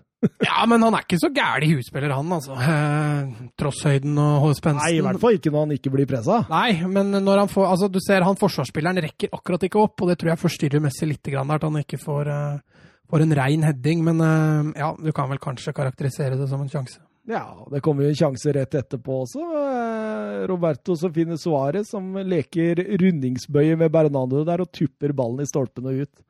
Da, da, da, så det ut som de steppa litt opp. Eh, men så dabba det av igjen, og så gikk det til pause. Ja, det gjorde det. Eh, Abelardo skryter nok fælt av gutta sine. Først, eh, første 40 minutta var vel så å si perfekt. Eh, og så er det bare å stramme det inn i andre omgang. Eh, for Valverde sin del så skjønner jeg godt at her måtte man gjøre noe. For det, sånn, man ikke, sånn kan man jo ikke holde på. Du tar ut Rakitic, en litt mer playmaker-type, eh, som liker å styre spillet fra dybden. Eh, så setter du inn Vidal, som er en mye mer direkte midtbanespiller, som ofte finner seg i boks. Så det har gjerne vært Valverdes go to move altså, når Barcelona sliter. Ja, og det eneste riktige også, for de trenger jo bevegelse framover der, og en som klarer å gå inn i Ja, ja. Altså, når du spiller med de Jong og Rakitic som indreløpere, så får du to indreløpere som ikke gjør de dype løpa. Mm. Uh, og, men altså der har han jo to spillere i bakhånd. Alenia, som nå har gått til Betis, eh, er borte. Og da har han bare Vidal igjen. Mm. Da, men, men, eh, som sagt, han men fikk jo resultater. Men jeg så en diskusjon mellom Didrik Hva er han heter igjen? Didrik et eller annet, og han Fatnes Bø på våre sider på Twitter. Der de diskuterer hvem er den beste indreløperen i Barcelona i forhold til Barcelonas spillestil. Mm. Og der eh, påstår Didrik at det er Alex Nei, Alex Vidal. Det er det i hvert fall ikke. Det er jo en gammel, en gammel back. Aleish. Eh, men det, det at det er eh, Arturo Vidal Mm. eh, Hva tenker du om det? Hvem som er den beste Ja, Barcelona for, for Barcelona. Ja, og Så tenker du på Tiki Taka-DNA, liksom? Nei, jeg tenker på i forhold til hva de trenger i dag. Ja, altså da, da kan jeg være tilbøyelig til å være enig i det. fordi altså Hvis du sammenligner da med Barcelona sin gylne årgang, da, i Chavi og Iniesta, som briljerte på midtbanen, så var de veldig flinke til å variere på hvem som løp i det dype, og hvem som holdt igjen. Eh, når de stiller med Rakitic og, og de Jong som indreløpere, så får du to stasjonære indreløpere. Mm. Samme gjelder for så vidt Arthur. Du får to indreløpere som hele tiden søker ball, og som hele tiden eh, søker det å diktere tempoet i kampen. da. Eh, får du inn en Vidal, så, så bryter du opp det mønsteret med en gang. Du får en indreløper som tar de dype løpene, og som i tillegg orker å løpe hjem hver gang.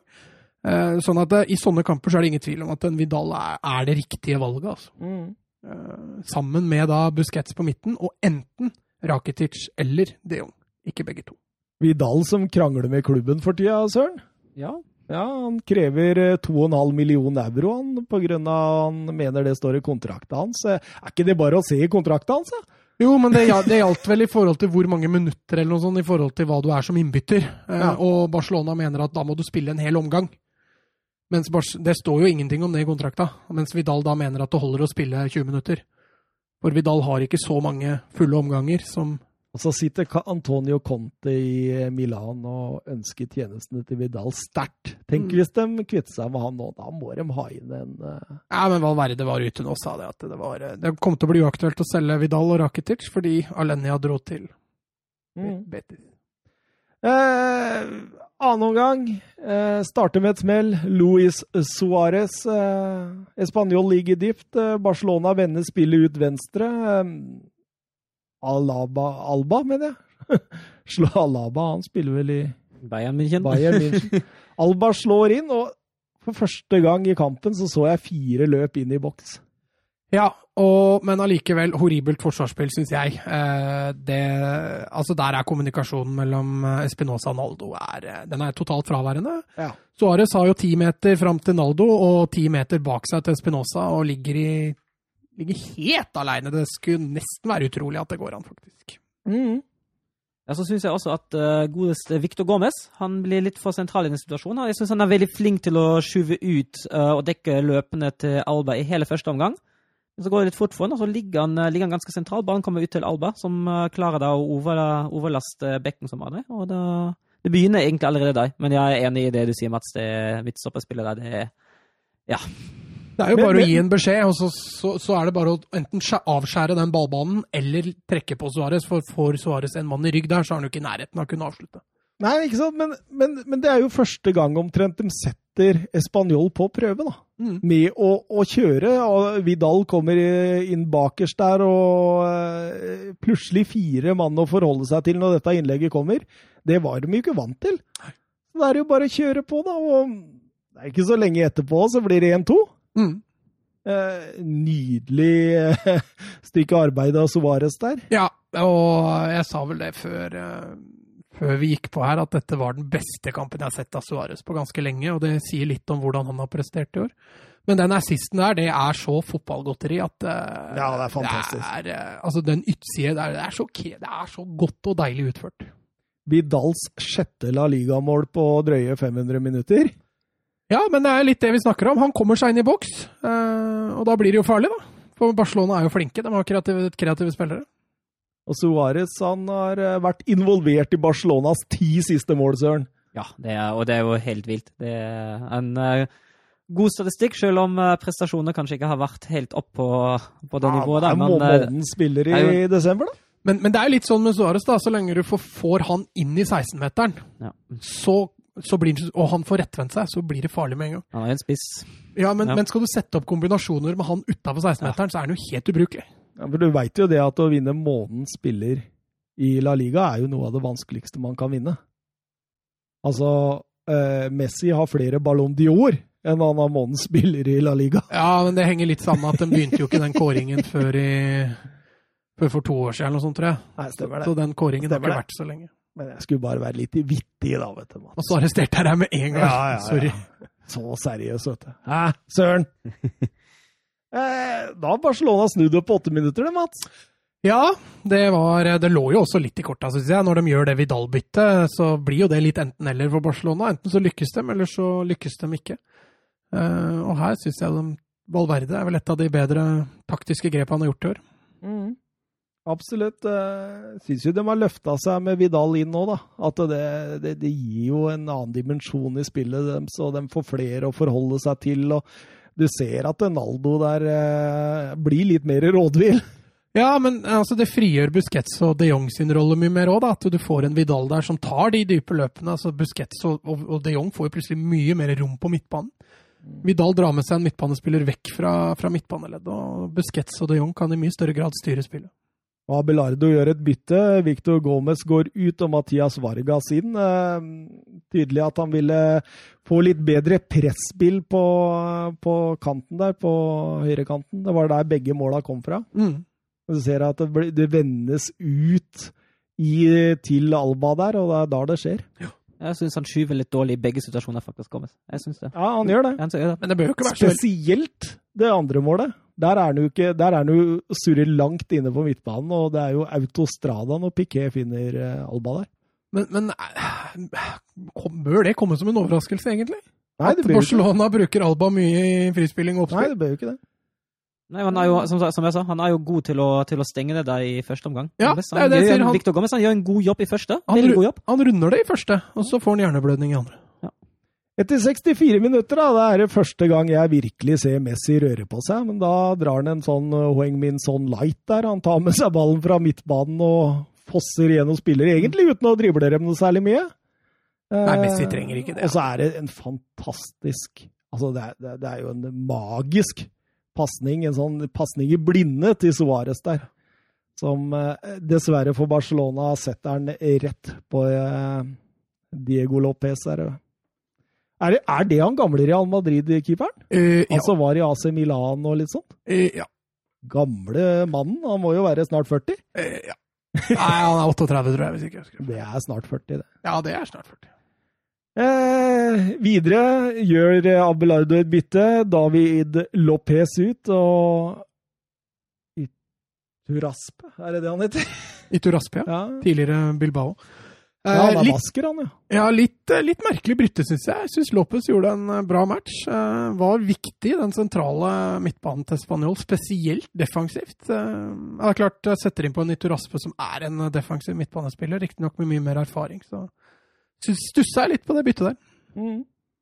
Og Melendo ut, og eh, vår kjære kineser inn. Ja, så nå har det vært mye Det har vært mye større interesse for La Liga siste åra. Kubo fra Japan og Wulei fra, fra Kina, så, så hjelper det på interessen i Asia. Altså. Mm. Han skulle jo vise seg å være ganske Jeg syns han blir en veldig frisk pust, frisk pust altså uavhengig av det som skjer, skjer litt senere. Men jeg syns han, eh, han med en gang uh, trua, trua rommet godt. Truer bakrom ja, hele tida. Han gjør gode løp. Mm. Eh, ja, jeg syns det var en, eh, et veldig bra innhopp. sånn. Men jeg syns Abelardo der svarer veldig bra på, på det som skjer på banen. Ja. Eh, du, må ha, du må gjøre noe offensivt, og Wu var kanskje det mest naturlige å, å, å bytte inn der. Eh, Melando for så vidt ut for å få mer offensiv kraft, men han skyver jo bare Darder litt mer dypt, så han eh, Det blir jo ikke noe sånn voldsomt stort ut, ut av det uansett. Og så kommer det røde kortet. Hans andre gule. Eh, ekstremt urutinert. Ekstremt.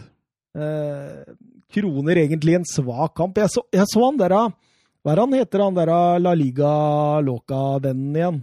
eh, på Twitter. Han drev og snakka om at Frenkie de Jong spilte sin beste kamp for Barcelona. eller noe. Jeg synes det, det hørtes så utrolig rart ut. Fordi Ja. mitt inntrykk når jeg satt og så den kampen der, det var at han spilte en av de dårligste kampene jeg har sett på år og dag. Ja, nei, jeg lot meg heller ikke overbevise av de Jong i den kampen. Jeg syns ikke han spilte noe sånn spesielt dårlig. Altså, det er mulig Ja, Men han spiller jo bare sidelengs og bakover! Han gjør jo Busquets-rollen uten å takle.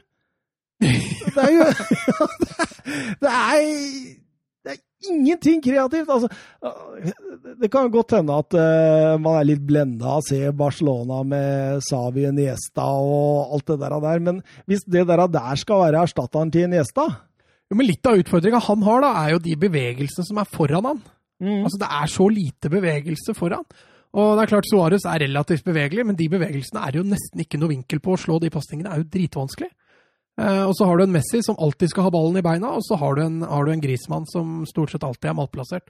Og da, da, er det ikke så lett å være kreativ offensivt, altså. Nei da, nei da, du må jo ha bevegelsene for å være kreativt offensivt òg, men altså jeg, han, han, også skjerpa seg. Det blei jo bedre med han når Vidal kom inn. Ja, absolutt. absolutt. Det blei bedre, men uh, helt... jeg, jeg, er for så vidt enig. Det var, jeg har sett De Jong mye bedre enn dette. Uh, og da uh, finner jo Español ut at nå har vi sjansen. Da, da, begynner de med å sende opp eh, spillere. Og, um, og Valverde svarer. han svarer med å ta ut Grismann og sette inn Semedo.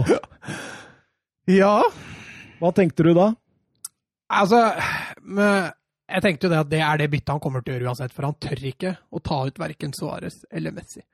At du ikke skal ta ut Messi, for så vidt greit. Han kan finne på å gjøre det helt utrolige eh, på egen hånd. Eh, men å ikke ta ut Suárez der, det, det, mener jeg er helt feil. Uh, Suárez er, er dødt kjøtt, defensivt blitt. Han løper nesten ikke hjemover. Det betyr at når du da er en mann mindre, du tar ut Grismann, setter inn Semedo, han skyver Roberto opp på midten, så spiller han strengt tatt med åtte mann i forsvar. Da inkluderer jeg keeperen.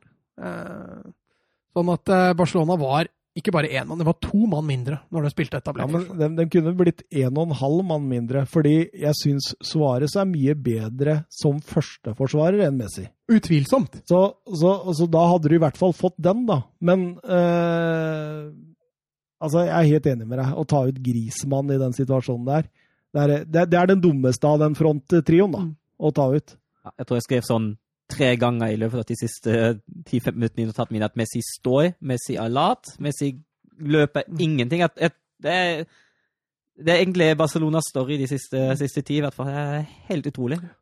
Men det er, det er, klart, Han var nok glad han ikke tok ut Suárez eller Messi når Español skåra. Mm. For da sitter han jo igjen med sine to beste offensive spillere på banen. Ja. Men, men sånn kampbildet var, da, så Jeg er helt enig, altså. Det... Nei, jeg sleit med å skjønne det. Ja, eh, Suárez kunne riktignok ha skåret der når eh, Neto slår en ball og Vidal stuser den videre. da, Gjennom og prøver å lobbe på Lopez der. Mm. Men eh, så minuttet etterpå så kommer Wu Lei. Første kineser som ever har skåret mot Barcelona. Ever!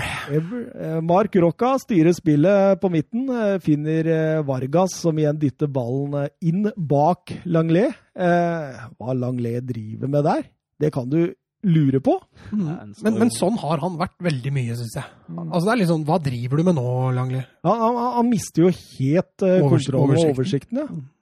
Eh, han dukker jo opp, han kineseren baken, da, og Piquet får ikke sikra Langlet. Og Boulay skyter ballen i lengste hjørne, og 2-2.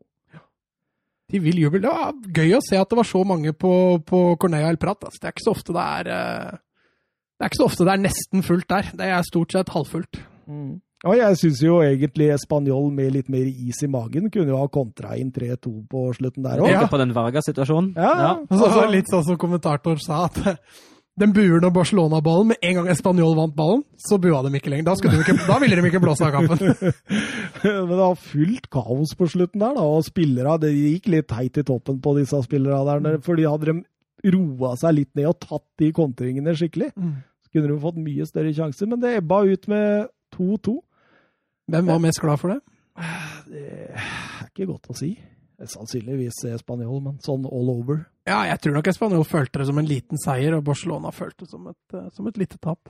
Men eh, da er det jo greit å ta fram en statistikk her. Eh, Barcelona hjemme i år 8-1-0. Mm. Barcelona borte 4-3-3. Eh, de har skåret 34 mål på hjemmebane og 15 på bortebane.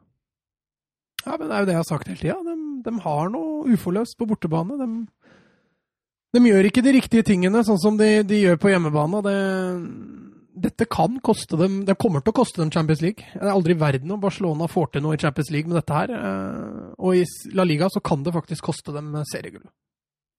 Vi fikk en haug av spørsmål angående denne kampen, Mats. En haug? Ja, i hvert fall tre. Såpass. Det er en haug. Eh, Fatnes Bø, eh, vår kjære Sigbjørn. Eh, hvorfor tar eh, Valverde ut Grismann, som ikke hadde noe god kamp, men jobber for laget? Og beholder både Messi og Suárez, som knapt nok løper en meter defensivt. Eh, Barcelona avslutter jo kampen med sju mann i forsvar, pluss keeper. Suárez burde vært ofret, med andre ord. Det har vi snakka om. Ja, vi snakka jo løst om det. Og er, og er enig. ja, eh, når stillinga er 2-1 til Barcelona, så er, jeg, så er, jeg, helt enig. Eh, er, jeg tror det er det at han ikke tør. Jeg tror ikke han tør å ta ut Suárez. I mm. hvert fall ikke Messi. Nei. Tar han ut Suárez, så begynner både Messi og Suárez å grine. Så da, da blir det vanskelig. Didrik eh, Tofte Nilsen, mange sier eh, Frenkie de Jong har vært så god. Jo da, sikkert på mange måter, men bør man ikke forvente at han skaper mye mer? Han skaper jo ingenting! Det mener jeg man må om man skal være indreløper i Barcelona. Ett mål og to assist på 19 kamper forteller alt. Altså For det første så må jo de Jong sin rolle defineres, da, for han har jo spilt en god del kamper som dyp uh, istedenfor Busquets. Uh, så Barcelona må jo nesten definere rollen hans. Hvis han skal bli, være en indreløper, så er jeg for så vidt eh, kan jeg tilstrekke meg til å være, være enig. Det er altfor lite dype løp av de Jong. Ofte når han tar de dype løpa, så er det med ball. Eh, det er sjelden for å gå i rom og utfordre for å få eh, ball. Mm. Det er klart, Da er det vanskelig å skape noe. Sånn at hvis Barcelona skal bruke han fast som indreløper, så, så må han lære seg litt den derre hva skal vi si, Barcelona way da, i forhold til å angripe. Ja. Har du noe å tilføye til dette? Så? Nei, jeg er 100% enig. Er ikke noe mer å si, altså. Men, men, jeg tror det langsiktige målet her for Barcelona er at de Jong skal ta over etter Busquets. Jeg tror at han blir pivot, altså den mm. dype. Mm. Du tror det, ja? Jeg tror det. Uh, Busquets har uh, ett, kanskje to gode år igjen, uh, og da er det de Jong som skal ta over den. Men er han ballvinner god nok? Ja, altså, ja, det tror jeg han som Barcelona altså, ikke, Han er ikke noe Busquets der, han er ikke noe blekksprut, sånn som Busquets eh, driver innimellom. Men, men, men, offensivt så er han jo minst like god som Busquets, og så har han sikkert litt å jobbe med defensivt. Ja. Eh, vi har også fått et spørsmål fra Jon B. på Twitter. Tror dere Arsen Wenger oppsummerte dette Barca-laget eh, denne sesongen som han tidligere sa? Barcelona plays like time, the team in crisis. The game is too slow, and there are no dynamic, dynamic. And in the last 30 meters, it's uh, too invid... Hva heter det? Individual? Individual? Hæ? Individual? Ja. Individuelt? Ja. Eh, Wenger, vi har jo vært inne på dette med Wenger. Har vi det? Ja, at uh, Wenger uh, satt jo i beinsport og kritiserte Barcelona voldsomt for, uh, for nøyaktig disse tinga her. Og ja, det første er i hvert fall ikke så vanskelig å være uenig i. At det mangler tempo i det laget der, det, det, er ikke vanskelig å være uenig i. Når det gjelder det siste, hva var det siste? At det mangla ja. At alt er individuelt? Ja, ikke sant. Det, fordi han sa jo også i det intervjuet, husker jeg, at uh, de søker Messi hele tida. Ja, men det er jo helt riktig. Men du ser jo da f.eks. første goalen da, til Barcelona, så er det jo bra spilt av Barcelona. Det er ikke noen sånn voldsomme enkeltmannsprestasjoner. Det er, det er de får Spanjol over på én side, vender over på Alba, som legger inn til Suárez, som setter den i mål. Men, men jeg er jo veldig enig i at uh, mye av det Barcelona gjør, er avhengig av at det er en god fotballspiller som skal gjøre noe spesielt uh, for at de skal få tellende resultat. Uh, og så ser jo andre goalen. Det er jo en fantastisk utført assist av Suárez. Det er ikke så mange spillere i verden som gjør det der, altså. Nei. Fire røde kort på Barcelona så langt denne sesongen. Ja. Forrige gang de hadde fire pluss, var i 11-12-sesongen. Ja, var, Siste året til Guardiola? Ja, da var Daniel Alves eh, blant annet hadde to av dem, og Mascherano, så det sier jo det meste om det laget. Eh, sist eh, fire pluss eh, etter halvspilt serierunde må vi helt tilbake til 03-04-sesongen. Eh, da hadde de i gjengjeld sju røde kort. I løpet av hele sesongen? Eh, nei, i løpet av halve Oi, sesongen. to av dem sto dagens Derby-trener Philip Coco fra, for, faktisk. Som i dag har jo Derby-ansvaret og henta Wayne Rooney tilbake fra MSL. Og de slo ut Crystal Palace av FA-cupen denne helga. Ja. Så det er en artig greie. Skal vi, skal vi ta poengene våre, eller? Ja. Hvem har lyst til å begynne? Søren? Jeg kan det. Eh, Jeg har tre poeng til Mark Rocca. Jeg syns han gjør en strålende kamp på sentral midtbane. Han slår assisten til 1-0-målet. Han innleder også eh, noen gode situasjoner. Han har innlegget før Voleis hode, hodestøt kvarter for slutt. Eh, I det defensive arbeidet er han eh, både god mot ballen og smarte bevegelser i rommet stenger godt, så han får tre av meg. To gir til Luis Suárez, til tross for at han er skrutt av i, i hvert fall 40 minutter. Fullstendig. Han har et mål, han har en assist, han treffer stolpen. Han uh, har altså noen andre gode lekk, eller i hvert fall ett til på Messi. Uh, jeg syns han gjør det OK. Manns jobb. og ett gir jeg til David Lopez, som jeg, som jeg syns er enig med deg i det du sa, Mats. Det er en strålende defensiv jobb. Eh, han har noen svakheter i, i oppbygging framover. han skårer 1-0-målet. Jeg syns det, det var en bra prestasjon av ham. Skal du ta den?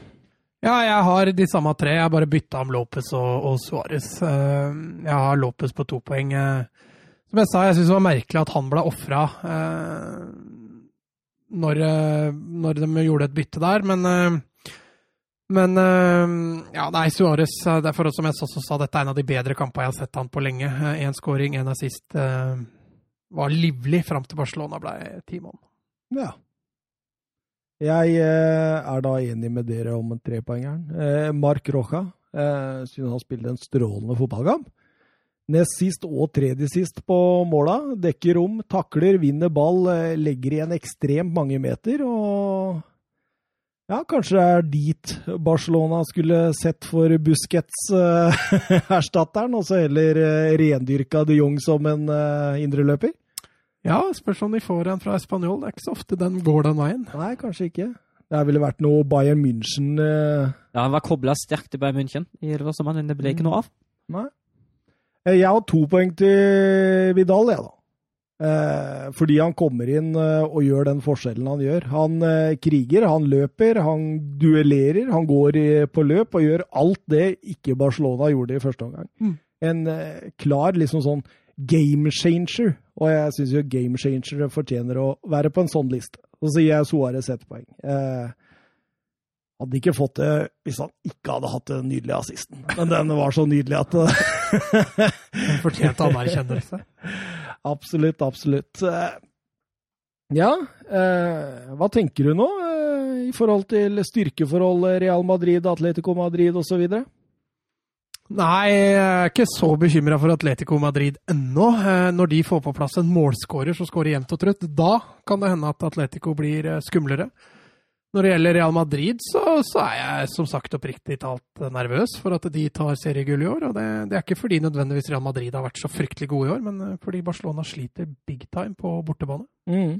Og det, altså når du ikke greier å slå altså det er greit, Dette er en byrival og, og et hatoppgjør, men eh, når du ikke da slår det laget som ligger helt sist på tabellen på bortebane, og det ender opp med å være en jevn fotballkamp, Ja. da, da har du et problem. Altså.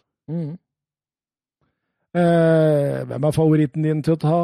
Jeg frykter det blir real. Ja. ja, det står sånn nå, men det kan forandre seg. Ja da, altså det er, det er snakk om at eh, Real Madrid leder nå Nei, det er vel likt, tror jeg. Det er likt Eh, Barcelona, leder vel fortsatt. Med bedre målforskjell. Eh, Sånn at det, det, det der kan fortsatt bikke begge veier. Eh, Men, men sånn det ser ut akkurat nå, så syns jeg Real Madrid ser sterkest ut. Nå skal det jo være en supercup eh, til uka og helga, så får vi se om ikke de to møtes i en supercupfinale. Det er vel eh, det er et nytt konsept de driver med der nå, med at de drar til Saudi-Arabia og tjener litt penger, og så spiller de en semifinale først. En- Litt trist, syns jeg. Det er litt trist. ja, etter hva jeg skjønte, så har jo ingen av lagene som skal dit, har jo ikke solgt eh, nærheten av kvota si på, på Nei, fanskaren. Klart det. Klart det. jeg tror også at det var eh, spanske medier. Har, de har slitt med å selge rettighetene i Spania. Eh, Ja. Det var ingen som ville ha det. I Norge så har Eurosport kjøpt det, Ja, så kampene går jo i Norge. Men nei, det blir spennende. Barca skal jo opp mot Atletico, og Real Madrid skal opp mot Valencia i hver sin semifinale. Og så blir det jo en finale og en bronsefinale.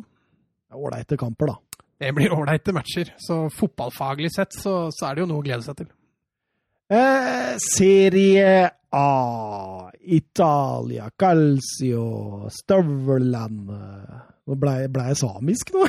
Fra italiensk til samisk på tre sekunder. Det er, den er ikke dårlig! Jatta, jatta, jatta. Jatta, jatta. Mario Ballotelli. Han spilte mot Lazio og Siro Immobile. Høytflyvende Lazio eh, får en litt eh, trang fødsel på 2020 der, syns jeg, når eh, Ballotelli setter inn 1-0. Joaquin Correa som taper ballen på midten. Eh, de slår langt mot Balotelli, som har Filipe i ryggen der. Og ser du den manøveren, eller? Ja. Hæ? Ja, det, er, det, er, det er vakkert. Det er klasse. Det er fotballforståelse på høyt nivå. Hvordan han feilberegner ballen med vilje, for så å ta ut motstanderen. Det er klart han bommer på ballen i avslutninga, men det blir jo perfekt. Ja, det gjør jo det. Og da leder Brescia 1-0 mot eh, Lazio. Eh, meget overraskende. Eh, Lazio sliter voldsomt, altså. Jeg, eh, satt ned, når jeg skulle se den kampen, så satt jeg meg ned og så gleda meg virkelig til det offensive spillet til Lazio der. Men, det- Mangla Luis Alberto. og Lucas Leiva. Ja, jeg tror Ja, ja, Lucas Leiva er ikke så viktig i det Nei, offensive, men, han er viktig på midtbanen der. Ja, da, han er balansespiller, men øh,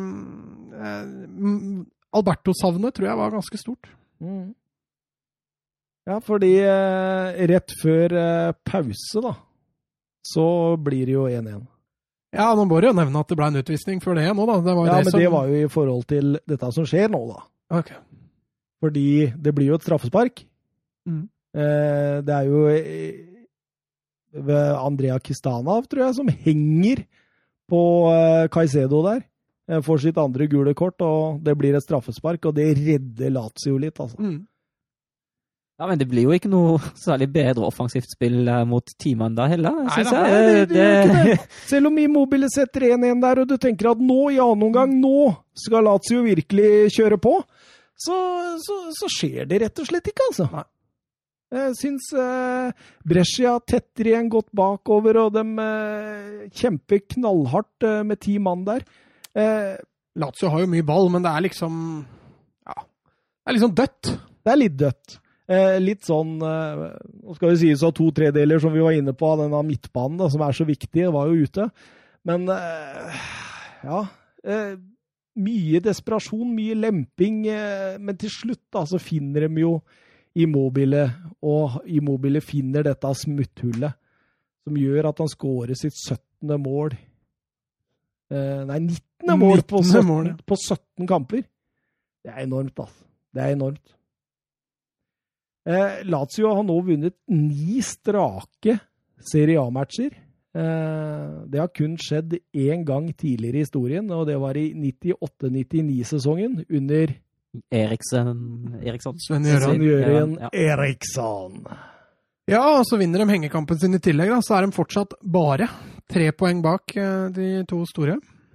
Men jeg tror denne kampen her var et eh, tegn på at Luis Alberto, han må de eh, få tilbake fra karantene så fort som mulig. Ja, karantene varer jo så lenge som den gjør, da, men eh, eh, vi har jo vært innom det før at han eh, er kanskje Europas mest undervurderte spiller. Eh, og at han da er viktig for dette Lazio-laget, det, det er det ingen tvil om. Og det, som du sier, det, det viser denne kampen her et ganske solid tegn på. Kanskje litt heldige sånn sett at de møter da et båndlag, og dermed redder seg litt på det.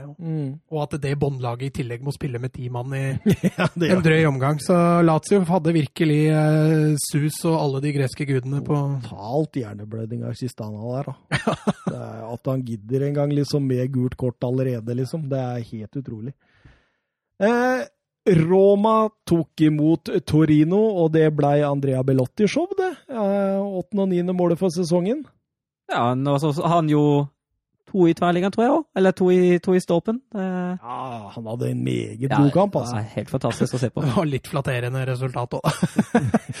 Jo da, jo da, utover i annen omgang der så var jo Roma fullstendig overlegne. Burde jo at ikke de Roma skårer i den kampen der, er jo Det er nesten litt merkelig, ja. Ja. Ja, det er 31 skutt og 7 på mål. Er- Men, jeg, men jeg tenker, når, når dere ser Belotti, er ikke det en litt mer defensiv utgave av Jamie Wardy?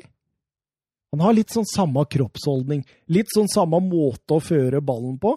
Litt av den samme måten når han går i rom på, men, men han er litt altså han, han ligger ikke og sleiker offside-linja, sånn som uh, Han er litt gjør mer involvert. Ja, ikke sant? Han involverer seg litt mer, men utover akkurat det der, så er det ganske likt Jamie Wardy, altså. Wardy er jo snart 33 år, da. Er det mulig erstatteren til, uh, Ja. til Wardy, det der, eller? Kanskje det er det. Bare kjøpe inn Belotti og si 'sleik den der uh, offside-linja'. Belo- Belotti er vel, så vidt jeg veit, bare 26. 26 eller noe Ja. sånt. Så det er mulig en erstatter for Vårli der, altså. Men som dere er inne på, da. altså, Roma i annen omgang. Det er Ceco, Pellegrini, Manzini der. Eh, hvor han setter den utafor fra to meter. Miktarian. Alle brenner jo kjempekjanser. Det var, det var rett og slett bare en sånn kamp for Roma. og Ja, ja. men, men jeg tenkte på han der Alex Berenger. Han var ganske bra. Er frisk. Ja, eh, tidligere Osasona, så jeg. Jeg Måtte inn og sjekke det litt. Mm. Men du har en, du, altså, Torino har en frisk, offensiv eh, trio der, med, med Simone Verdi og, og Berenguer der, og, og Belotti. Så det er, det er artig når de begynner å, å spille. Mm. Ola Aina. Ola Aina, ja, som eh, Det sies i hvert fall at Sarri ville satse på hvis han skulle bli Mm. i Chelsea. Uh, Det er merkelig salg også av Chelsea, når tanke på hva de har der nå. ja. Altså står de nå da med Emerson, uh, som ja, Men, men, men tror du Aina er noe særlig bedre enn Emerson? Nei, det kan godt hende han ikke er, men han er jo definitivt kanskje bedre som back da enn Alonso. Ja, Alonso er jo ikke noe back, så det er jo greit. Uh, men ja, nei. Eh, jeg tenker også på eh, Ja, hva kan vi si, ja? Eh, Sirigu. Eh, kanskje banens beste, eller? ja, jeg tror det er greit. Sammen med, er Belot- mer, sammen med. Belotti. Ja, absolutt. Belotti, ja. Altså, og, og Fantastisk forspill før de får straffesparket der. Mm. Da, da går ballen på ett og to touch Ja. hele veien der. Og Belotti han skyter den i ryggen på Smalling. Smalling snur seg og slår ballen ut med hånda. Mm. VAR sier straffespark, og Belotti setter eh, enkelt 2-0. Ja, men det der også sånn var. Altså, ja, jeg, jeg syns det er straffe, men han aner jo ikke hvor ballen er. Han har ikke peiling. Nei, han vet ikke. Og så treffer han i hånda og slår den jo vekk, og, og får, han får en kjempefordel ut av det, Smalling, at eh, det skjer. Men det er jo på ingen måte noe hensikt bak det. Nei, absolutt ikke. Atalanta, Parma 5-0. Atalanta, det siste de gjorde i 2019, Søren. Det var 5-0-seier mot Ja. AC Milan. Og hva er det de første de gjør i 2020, Mats? Nei, de vant jo 5-0 igjen, da. Ja, de gjorde det. Eh, Artig lag. ja, det er Ja, fantastisk. altså, få noen skåringer det var. Herregud. Det var jo, begynte jo herlig, avsluttes herlig. Og, ja. Ja, det er helt nydelig. 48 mål på 18 kamper. Det vil si snitt på 2,66 mål per kamp. Ja, nei, de har, de har eh, Ja, de har jo åtte mål mer enn Lazio, da, men, men de har faktisk altså 13 mål mer enn Juventus. Så de, eh, de er jo klasse offensivt. Eh, Defensivt så slipper de jo inn eh, like mye som alle de andre laga. Er jo nesten på, på nivå med, med båndlaga når det gjelder det defensive. Men de jobber så knallhardt. Altså, det, dette er et lag som ligger i toppen. altså De aller fleste lag i toppen, liksom, de på en måte de er gode til å kontrollere spill og liksom sånne ting, og, og kan ta seg noen hvilepauser. Her er det 110% fra start til slutt, altså. Det er tut og kjør. Ja, det er helt spinn vilt å se på dem. De må jo løpe 14-15 km hver eneste kamp, alle spillere i midtbaneleddet der. Er helt sykt. Hadde Barcelona møtt det laget der, hadde de fått det slitsomt. Altså, jeg tenkte på det når det var trekning, og at Atlanta lå i potten. Tenkte jeg nei, jeg håper at Barcelona unngår det Atalanta-laget, for det tror jeg mange hadde undervurdert. Altså. Ja, jeg tror det hadde blitt slitsomt. Det tror jeg hadde blitt Å, fy fader, hadde de tenkt. Er du der òg? Men den midtbanen liksom med hatt Boer, Freuler, Deron og Robin Gaasens Robin Gaasens hva kan landskampen for Tyskland? Jeg sier det. Spør Løv. Det skjønner jeg ikke jeg heller. Han er jo veldig god. Det er jo helt, han, har, han har fem mål og fire assist for uh, Atalanta i dag, og er ikke i nærheten av den tyske troppen. Nei, jeg vet, men uh, Løv Jonas Hector er Ja, bedre. vet, du- vet du hva, altså. Løv, Løv sitter jo som regel i Freiburg og i Hoffenheim, og så ser han på kampene der, og så følger han med på Bundesliga, og så følger han Altså, han tok jo ikke med, med seg ned i VM-troppen heller. Uh, Altså, han sitter i Freiburg, så er Waldschmidt er safe, da. Waldschmidt er Waldschmidt er safe. Ja. Og Koch er vel også Ja, kanskje kom, safe. og så er vel, Og Gunther, da. Ja, nei, eh, Han tror jeg ikke har fått landskamp ennå. Nei, han har ikke det. Nei. Men da får han det snart. Ja, helt sikkert. Men du, Robin Gaasen, han har aldri spilt i Bundesligaen. Nei, jeg tror ikke Nei, han har ikke det. Han gikk rett til Vitesse, og videre der til Herakles. Eh, Duan Zapata var tilbake på benken. Eh, ja. 18 minutter. Dette gjør jo ikke Atalanta til noe mindre dårlig offensivt etter hvert, vil jeg tro. Nei, litt av utfordringa her for Atalanta er jo det at det begynner å bli fryktelig langt opp til eh, ja, i hvert fall Inter og Juventus. Skulle Lazio vinne hengekampen sin, så begynner det også å se eh, drøyt ut. Så de må nok eh, kjempe med Roma. Kanskje også vi får se Hvis Cagliari greier å holde formen, så, så må de nok kjempe om den fjerdeplassen i år òg, sånn som de gjorde i fjor. Men du veit jo det at Cagliari holder jo ikke formen. Nei da. De er jo på, de er jo på nedadgående, så det synger av Men, men, men de har et Napoli-lag bak seg. Riktignok nå ti poeng eller noe sånt opp til Atalanta, men eh, de har både Napoli og Milan bak seg, som vi har sett, som vi veit kan bedre. Da. Så det blir, blir vel å holde stand og ta igjen Roma. For Cagliari de var på besøk på Allianz og tapte 4-0 mot Cristiano Ronaldo. Ja, det blei et lite Ronaldo-show. Dørgende kjedelig i første omgang, eller? Ja, altså, jeg gikk vel på sending her og sa at, sa at jeg sa vel at Robin Olsen sin redning der var eh, et av de store høydepunktene på den avslutninga til Ronaldo der. eh. Det er klart, har du én redning mot Ronaldo, og så slipper du inn tre, så, så blir det ikke allikevel noe stor overskrift ut av det. Nei, det var eh, Jeg syns det var en veldig kjedelig første omgang. Eh, Jeg syns eh, Cagliari-trener Maran der hadde åpenbart en plan om å gjøre det vanskelig for dem, og lå kompakt dypt i 4-3-1-2 og hindra spill sentralt i banen. Ville prøve å få dem rundt på kant, og det var jo også ganske normal Eller altså, du skjønte tankegangen da når du ser Juventus-laget som mangla kantspillere omtrent i hele laget der. Eh, men likevel, da, så eh, Altså, når Ragnar Klavan gjør det han gjør, ja, fin Altså- assist til deg. da går jo hele den planen i vasken, ikke sant? Fordi den var jo på vei til å frustrere Juventus noe voldsomt. Og så skjer dette, den tilbakespillet der, og eh, Ronaldo snapper opp, eh, drar rundt. Ja takk for julegaven fra Klavan og setter 1-0. Eh, så du Dybala-showet før eh, Straffa? straffa, eller? Ja. Altså, altså når, den dagen han leverer sånn i hver eneste kamp, så Mm. er han en topp ti-spiller med en gang. Absolutt. Ronaldo setter 2-0 på straffe. Higuain skårer med assist fra Ronaldo. Eh, og Ronaldo avslutter til hat trick, og da går Twitter i 120, Mats. fordi da kommer det sånne ting som i 2020 har Ronaldo tre mål og én assist, og Messi har null mål og null assist. Ja, Men- jeg så det var noen Twitter-meldinger om at uh, at de ærlig måtte innrømme at Ronaldo har vært best i dette tiåret. Så. Så det, det må jeg nok Men Ronaldo er nå den, eh, den, tre, den andre spilleren i dette årtusen som har skåra hat trick i Serie A, hat trick i Premier League og hat trick i La Liga. Ja. Klarer de å gjette hvem den andre er?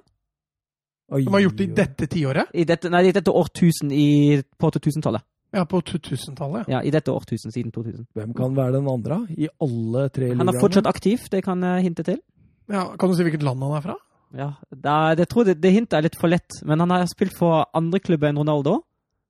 Spilt for andre klubber? Ja, altså, ikke Real Madrid? Nei, Ikke United. Real Madrid, ikke United, og jo Nei, for United har han spilt for, men han har ikke skåra hat trick for United. Hvem faen er det som har vært i alle ligaene? Diogo Forlan? Nei, Nei, han, har- han, han begynt, vært han begynte å skåre hat trick for Odinese. Og Alexis Sanchez. Det stemmer, det. Ja. Hat trick for Odinese, hat trick for Barcelona og hat trick for Arsenal. Arsenal. Alexis var tilbake på benken han òg. Vi får Inter i det. Ja.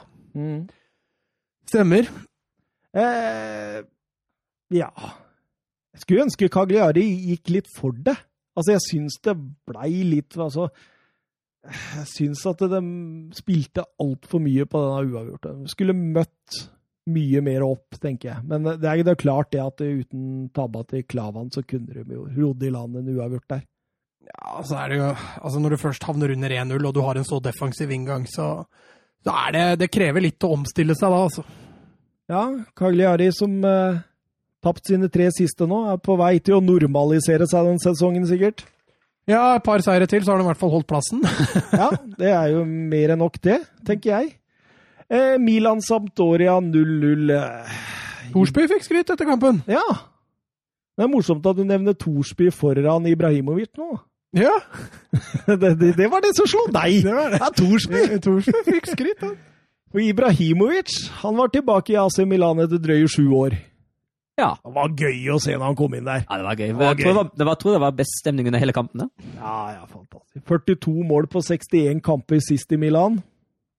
Eh, kom vel ikke i nærheten av det snittet nå, vil jeg tro, men eh, så absolutt ut som han kan skåre mål i serien.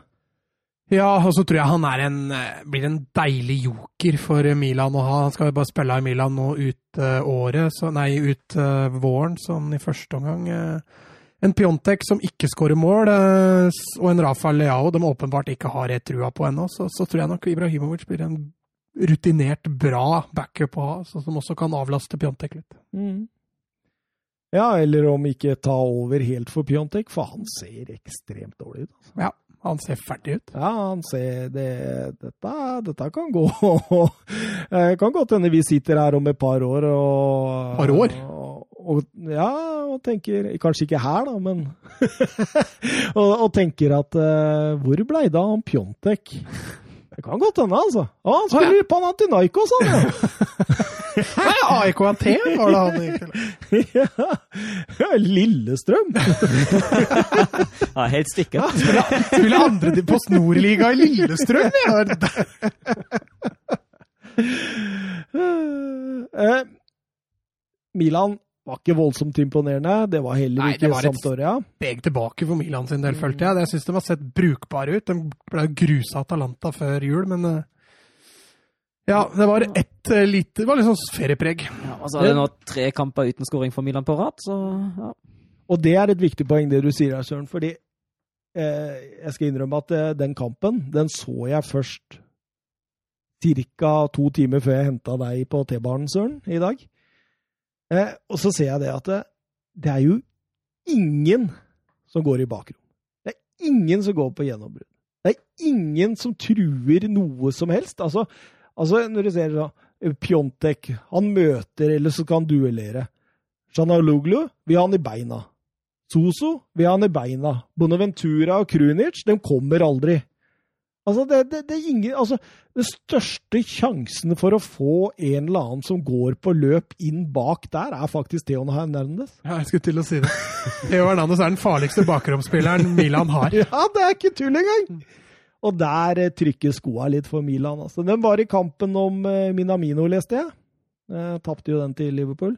Ja, og så ser jeg nå at Milan eh, Milan er eh, veldig nære å signere Todibo fra Barca. Mm. Og. Lingard fra United, eller? Mm, ja, nå leste jeg sist at Lingard ville bli bytta bort med Madison. Ja. Ja, det skjer ikke, ifølge Altså, Sånne byttehandler er så vanskelig å få til, tror jeg. Mm. Jeg tror ikke det går.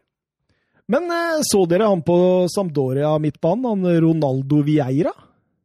Han var eh, interessant. Eh, måtte se litt nærmere på han, fordi, og så fant jeg ut at han er 21 år gammel engelskmann som kom fra Leeds for to år siden. Eh, mer Vieira enn Ronaldo, for å si det sånn. Men eh, en strålende kamp på midten der, altså. Vant mye baller og nei, det, Det er deilig, da. Du, når, du både, altså når du da ligger under, så har du Ronaldo. Og når du leder, så har du Vieira òg. Det må, det må være helt nydelig. Helt perfekt. Litt kjipt når det er uavgjort, da, for da, går det da blir det jo litt sånn som den matchen her, hvor det ikke blir noen ting. Og så til rundens godbit, da. Napoli mot eh, Inter Milan. Og hei, som jeg kosa meg i den første omgangen. Ja, da snakka vi tut og kjør. Og, og egentlig litt skryt til han der kommentatoren. Han der Per Jarle Heggelund, er det det han Ja, heter? han er helt han er nydelig. ekstremt nydelig å høre Han på! er helt fantastisk. Og så kan han så jækla mye italiensk fotball at uh... Ekstremt gøy, altså. altså, altså jeg kosa meg så Altså, i går så Jeg satt den på opptak, for jeg var litt seint hjem, og så måtte jeg ta meg en joggetur, og så kom jeg hjem, og så satte jeg på den kampen der, og det Jeg, bare kosa meg, og, gutta på banen og leverte jo. Det var jo voldsomt uh... Ja, bortsett fra Napoli-keeperen, så var det, var det artig. Nei, eller Napoli hadde jo tre personlige feil på alle tre måla. Mm. Uh, Alex Meret, uh, den er horribel. Ble luka, faktisk. før 1-0-målet til Lukaku der, så skli, sklir jo Di Lorenzo på midten og gir jo Lukaku den sjansen. Så, så du Inter? De kontra med to spillere. Ja, Men de er så gode, de to, at det, det løser seg. Ja, absolutt. Kunne stått 4-4 til første omgang. Ja, vakker skåring til Napoli òg. Malik uh, Mal Malik Malik Milik. Malik Milik. Malik Milik. Det var fint. Altså, det går litt fort her til tider. Selve målet er ikke det peneste, men, men forarbeidet og innlegget der og opp i nettaket var, var pent. Syns uh, kjedeligere annen omgang. Napoli er vel best i den. Uh... Jeg, tror, jeg, tror kanskje de går litt tomme. Ja. Altså, det blei så ekstremt mye fart i den første gangen, og du svir av en del krutt da, altså. Mm, absolutt. Uh, jeg syns jo Napoli er, ja De er det beste laget i annen omgang der, men det er nå Inter som skårer, da. Lautiro Martinez setter den igjen. Mm.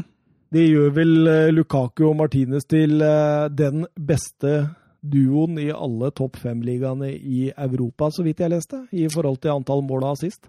Ja, det stemmer nok på en prikk. Det er ikke så mange andre lag som spiller med duo, så de har ikke så mange konkurrenter sånn sett. Så du talentet vårt uh, var rasende på benken der, eller? Esposito? Var han rasende? Ja, han så ikke Fabian Ruiz i uh, frustrasjon sparka ballen uh, ut mot innbytterbenken. Og i, på San Paulo, vet du, der sitter de jo litt nede under bakken. Mm. Så den ballen gikk jo rett i pæra på Esposito, vet du. Han klikka jo, han fløy jo opp og fikk gult kort, og han skulle virkelig ta den der. Eh, ser at Napoli-laget blir litt frustrerte der. Du ser Kayon som vil liksom ha rødt kort på Barella der, på noe som ikke er gult kort i det hele tatt. Du ser Zelenskyj prøver å filme, og du ser dem er frustrerte, altså. Ja. Men uh, Napoli er vel definisjonen på frustrasjon uh, i toppligaene for tida, tror jeg. Jeg tror ikke det er så mange andre lag hvor ting butter så mye imot som i Napoli. nå. Nei, det er klart det. Og tre personlige feil. og det er, uff. Manola så ja. som demperen til Arturo Martinez der. Alt. Altså, Det virker som alt går galt i Napoli. De fikk en seier nå før jul, men eh, det var langt før det. Og nå ser det jaggu ut som de har starta fryktelig dårlig igjen. Altså. Fem hjemmekamper på rad uten seier nå. Ja. Stikk motsatt til Inter Milan, som denne sesongen står med ni bortekamper og åtte seire, én uavgjort. Så. Deilig. Kudos til det, altså. Deilig. Deilig. Den der kampen der blir spennende å se hvem som tar det. Ja, det blir det. Det blir jækla, det tror jeg blir dødt løp. Jeg gleder meg. Det er lørdag, det. Nesten hele veien. Er dette lørdag? Hva da? Den kampen? Å ja. Jeg tenkte, nei, jeg tenkte med på sluttresultatet. Hvem som vinner ligaen. Å ja, sånn sett. Jeg, jeg trodde du tenkte på For det er ikke, møter ikke Napoli-Milan i neste runde? At Napoli møter Inter i neste runde? Milan? Napoli-Milan? Ja, er det ikke det? Jo, det kan godt hende. Jeg er litt usikker. Jeg så forresten at eh, Sanchez, Barella og Sensi var på benken nå. Tyder på litt bedre tider for Inter. Det var jo Barella og Sensi kom jo inn også. Ja, vi har jo snakka om det før, at, eh, at, eh, at de har vært dypt savna. Mm. Det har sett litt hva skal vi si, det har sett litt døre ut på midtbanen til Napoli. Begge de to er tilbake igjen, og er tilbake igjen for full musikk. Så, så blir dette Interlaget igjen og, komme, kommet over kneika A-poeng med Juventus. Det ser bra ut. Hva var det du sa? Napoli-Milan? Ja, er det ikke det? Nei, Lazio-Napoli. La, Lazio-Napoli. Det var den jeg gleda meg til neste helg. Ja. Nei, det er bare greit. Hvem er det Milan møter? Kanskje vi ikke skal ta det her i podkast. Vi kan snakke om det etterpå. Ja, du kan få det nå. Vent to sekunder. Å, jeg kan få det. Så har jeg det. De møter Cagliari. Ja. Mm. Ukens eh, talent, eller skal vi ta noe Nei, vi, vi, avslutter med det, kanskje. Ja, hadde du ikke noe, Sa du ikke at du skulle ta noen spørsmål, da? Vi tar noen spørsmål, og så har jeg også en liten, eh, liten sak. Eh, skal vi finne fram spørsmåla, da? De eh, finner jeg helt på fremste side her, skjønner du. Så da må jeg bla litt i arkivet her. Bla, da. Du har dem på telefonen, du, eller? Jeg har, jeg har, jo Twitter på telefonen. du, du, har ikke Twitter på notatblokka di? Eh, vi kan jo begynne med Jørgen B. Ready Nystuen. Eh, han spør eh, vil ha noen tanker om hva United bør gjøre i januar, og kommentar på budet de hadde på Madison, 40 pluss Lingard. Jeg skjønner ikke at de svekker sitt eget bud ved å legge på Lingard. Men uh... De mener de begynner bud 100? De må betale for å ta imot Lingard, er det ja, det du mener? Altså, nei, men altså, fra, fra spøk til alvor. Hva, hva, skal, hva skal Leicester med, med Lingard? Er det mye bedre at de, at de får penger? Og, altså, de kommer ikke til å selge den for 40 millioner uansett, det er helt uaktuelt. Men uh, det er mye bedre at de faktisk får penger når vi først skal selge den, og så finner de heller en spiller som passer inn, og som de ikke trenger å betale en høyt med lønning til. Mm. Altså, hva, hva skal dette Leicester-laget med Jesse Lingard? Altså, jeg er mest bekymra for at du sier fra spøk til alvor. Ja, for jeg syns det var helt alvor. Jeg ville heller tatt, vil heller tatt 35 uten Lingard. Faktisk, ja. Men uh, hva bør United gjøre i januar? Uh, sparke Solskjær? ja, da hadde du blitt glad. Uh, nei, altså, Jeg regner jo med han mener på overgangsmarkedet her? Ja, han mener sikkert det. Altså, de må, de må, ha en tier. De må ha en kreativ midtbanespiller. Uh, for det er altså så dødt, det som skjer i den tierrollen, at uh, det preger dem veldig. Spesielt i kamper hvor de sliter, så, så er det den tieren de mangler. Uh, ellers så har jeg sagt det før, bredden i United er for dårlig. Den mangler en tier. De ja, altså Nå har jo Fred faktisk vært OK, da, men uh, McTominay ja, men Det er bare med McTominay, altså. Ja, altså McTominay er borte en stund, og Pogba har operert, og Nei, det ser uh, Nå har til og med Manchester-journalistene begynt å si at nå må sparken Nei, nå må Solskjær få sparken. Men, men, men, men, hva med Jeg satt og tenkte i stad. Eh, hvis du vil beholde litt av den Solskjær-æren da innad i klubben, liksom. De mangler jo en uh, Sportsdirektør? Ja. Uh, Woodward eh, fungerer jo som en slags det nå. Han har jo ikke peil på fotball, han har peil på business. Mm. Man må bare si til Solskjær at har du lyst til å bli vår sportsdirektør, og så hente inn Porcetino, og så er jo alt gjort. Så, og så da, da, da, blir det litt sånn glatta over at Solskjær får sparken? Ja. Ja, nei, det, altså De har jo vært inne på tanke på sportsdirektør før, og det, det skjer jo ikke. Nei, nei, nei. Jeg tror Woodward er livredd for å gi fra seg ansvaret der. Ja, absolutt. Men uh, det burde han gjøre. Og ja, Solskjær det... kan jo nok fotball til å kunne hente litt ålreite spillere inn i et system han, sammen med eventuelt en Porcetino. Ja, det er sikkert en uh, smart uh, og god løsning. Og så henter man inn en offensiv midtbanespiller. Man henter en sittende, fordi man kan ikke vente to måneder på McDomney. For uten han så fungerer jo ikke bakover der. Og så må de ha et stopperalternativ, syns jeg, til ja, altså Jeg mener jo at Tuan CB er et bra stopperalternativ, men han er vel skada nå. Ja, ja, og Phil Jones, viste, Phil Jones, viste, jo mot Sheffield United at han hører hjemme i Tippeligaen. Eh, så han, eh, han, kan de ikke stole på. Sacked in the morning! oh, jeg skjønner ikke det der. Altså, jeg, han hadde aldri spilt en fotballkamp for meg igjen hvis han hadde sittet og sagt det om meg på tribunen. Altså. Ja, men Blei det bekrefta at det var det han sa? Ja. Okay. Nei, jeg veit ikke. Men i, i, mitt hue så er det bekrefta! Men eh, nei, altså den tieren, Bruno Fernandes, James Madison, Jack Graylish, en eller annen må inn der. Eh, som sier, som du også sier, en dyp midtbanespiller tror jeg er helt avgjørende. Om det ja, det beste ja, Nei, gud veit hvem de skulle henta inn der som en av to sittende. Og så en kantspiller, kanskje, da, som skaper litt dybde. Jeg syns James ikke har innfridd i det hele tatt. Jeg syns han er langt unna. Martial. Du gjør det, ja? Jeg syns det. Ja? Jeg synes han, altså, han, var god, han var god i starten. Ja. Men nå, altså ja, slår du han i bakrom, så er det tut og kjør. Ja. Men han rettvendt eller feilvendt eller han én mot én er jo dødfødt. Ja, deilig. Deilig at du sier det. så Rashford og, og, til dels Martial er vel de eneste som innfrir uh, offensivt. Martial er stort sett skada? Ja, han er, sliter litt med sjukdom og skader. Uh, defensivt så er det jo Maguire er solid. Uh, Shaw syns jeg er brukbar. Uh, Også, jeg synes, liker jeg han Williams på venstrebeken der, han som tar over ja, for Shaw iblant. Jeg sitter og irriterer meg litt når jeg ser høyrebeinte venstrebekker. For ja. det preger ja, dem offensivt. Det gjør det. Og det ser du på Williams òg, når han får ballen ut på sida. Han må dra den over på høyrebeinet. Og det, det syns jeg er slitsomt å se på. Uh, kommer jeg på Petter Myhra. Høyrebeint venstrevekt, det går ikke an! Vi er litt der, jeg òg. Uh, det er samme liksom en venstrebeint midtstopper på høyre midtstopperplass. Det funker ikke oppi huet mitt heller. eh, videre. United seier i jula mot uh, Det er Jørgen igjen. Mot uh, Newcastle og Burnley og tap mot Arsenal. Merkelige resultater. Kommentar. Og hva synes dere om Ole Gunnar Solskjærs svar til van Persie? Ja, Det første først, da, så er det jo ja, så er det jo solid det de gjør mot, uh, mot Newcastle. Havner under, men feirer dem av banen. En av de bedre kampene jeg har sett av United mot etablert forsvar. Burnley er jo en krigerkamp hvor de greier å krigere i sitt favør. Arsenal de er jo bare mye bedre enn United i første omgang. De kjører jo over United. De, uh, at Solskjær ikke gjør det. Jeg, jeg, er litt motsatt av deg akkurat der. Altså, jeg syns at uh, de ikke er veldig gode mot Newcastle, men at Newcastle forærer dem vel tre mål, tror jeg. Eh, og at de er ekstremt solide mot Burnley. Ja, men solide så er de mot Burnley, men de kriger jo til seg den seieren. Ja, du, er du ikke enig i det? Det, det virka som at du syns liksom at de hadde det lettere mot Newcastle enn mot Burnley. Jo, men de hadde det. Mot Newcastle fikk de jo alt servert. Mot Burnley, mot, Burnley, mot Burnley, måtte de jo krige for å vinne. sånn sett. Det er greit nok. Men United var allikevel nærmere seks mål mot Newcastle enn Newcastle var to. Ja, Jo, det er greit nok, men det eh, Og mot Burnley så må de jo faktisk krige for poenget, og det var en imponerende seier. Hva syns du om van Persie?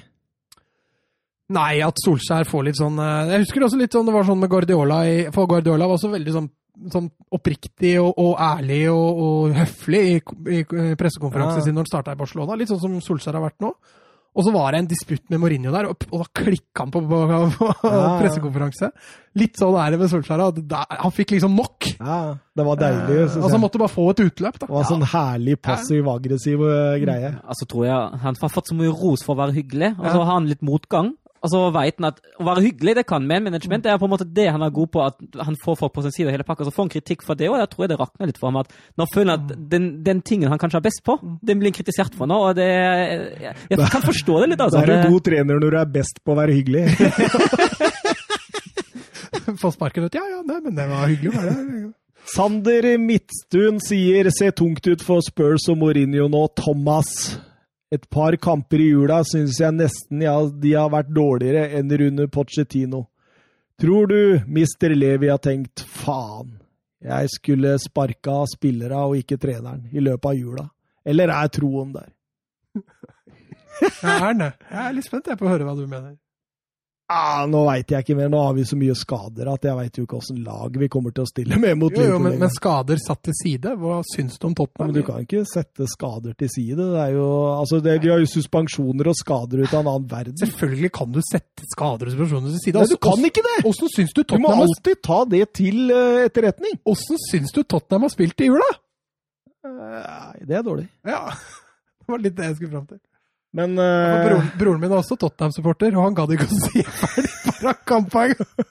ah, fy faen, det er så ræva, så jeg gidder ikke å se på. ja, det, fri, det, har vært fryktelig, faktisk. Jeg har sett dem, da.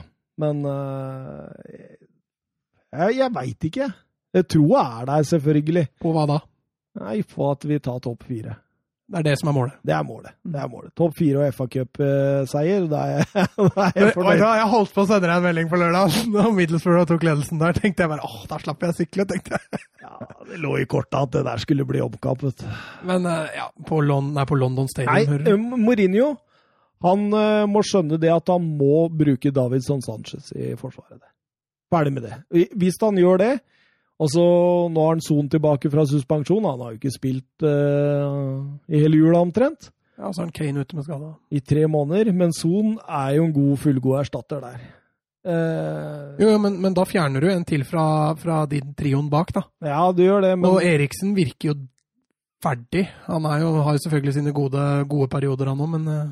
Ja, men Lo Celso virker bra igjen, og Lamela har gjort gode innhopp. Så jeg tror vi skal få det til på et eller annet sett og vis, men Han er glad i Lucas, da det er mye Det er mye Ja. Men det er, det er, det er mye spørsmålstegn rundt dette nå. Det er det. Hvem er det Tottenham har nå til helga? Liverpool. På en, nei, jo, på Anfield? Nei. nei, det er på Det blir vel sannsynligvis hovedkampen vår, vel? Jeg finner vel ikke noe større der. Eh, ja, nei, Wolfsburg møter vel Mainz. Jeg syns vi skal jeg synes vi skal, Wolfsburg tror, tror vi har en treningskamp mot, eh, mot Vitesse, eller noe sånt? Ja, jeg syns det hørtes fristende ut. Ja. Nei, altså vi kan gjerne la være å ha det som hovedkamp, for jeg veit ikke om jeg, altså, det, det kommer til å bli stygt. Uh, jeg tror vi taper så det synger, faktisk. Eh, Ja, Liverpool hvilte jo spillere så det sang i FA-cupen. Det var helt utrolig at de greide å slå Everton. ass. De har så flyt at det er helt sjukt. Jeg hadde jo ikke ja, Milner spilte venstreback, og det var Sånn 20 minutter, da. Curtis Jones uh, ble matchvinner. Og, Sentral midtbane på venstreback. Ja, men det, det har han gjort mange ganger. Ja Da. Eh, nøktern optimist, skal jeg kalle meg. Såpass? Ja, ja, men optimist er optimist. Ja, jeg tror det.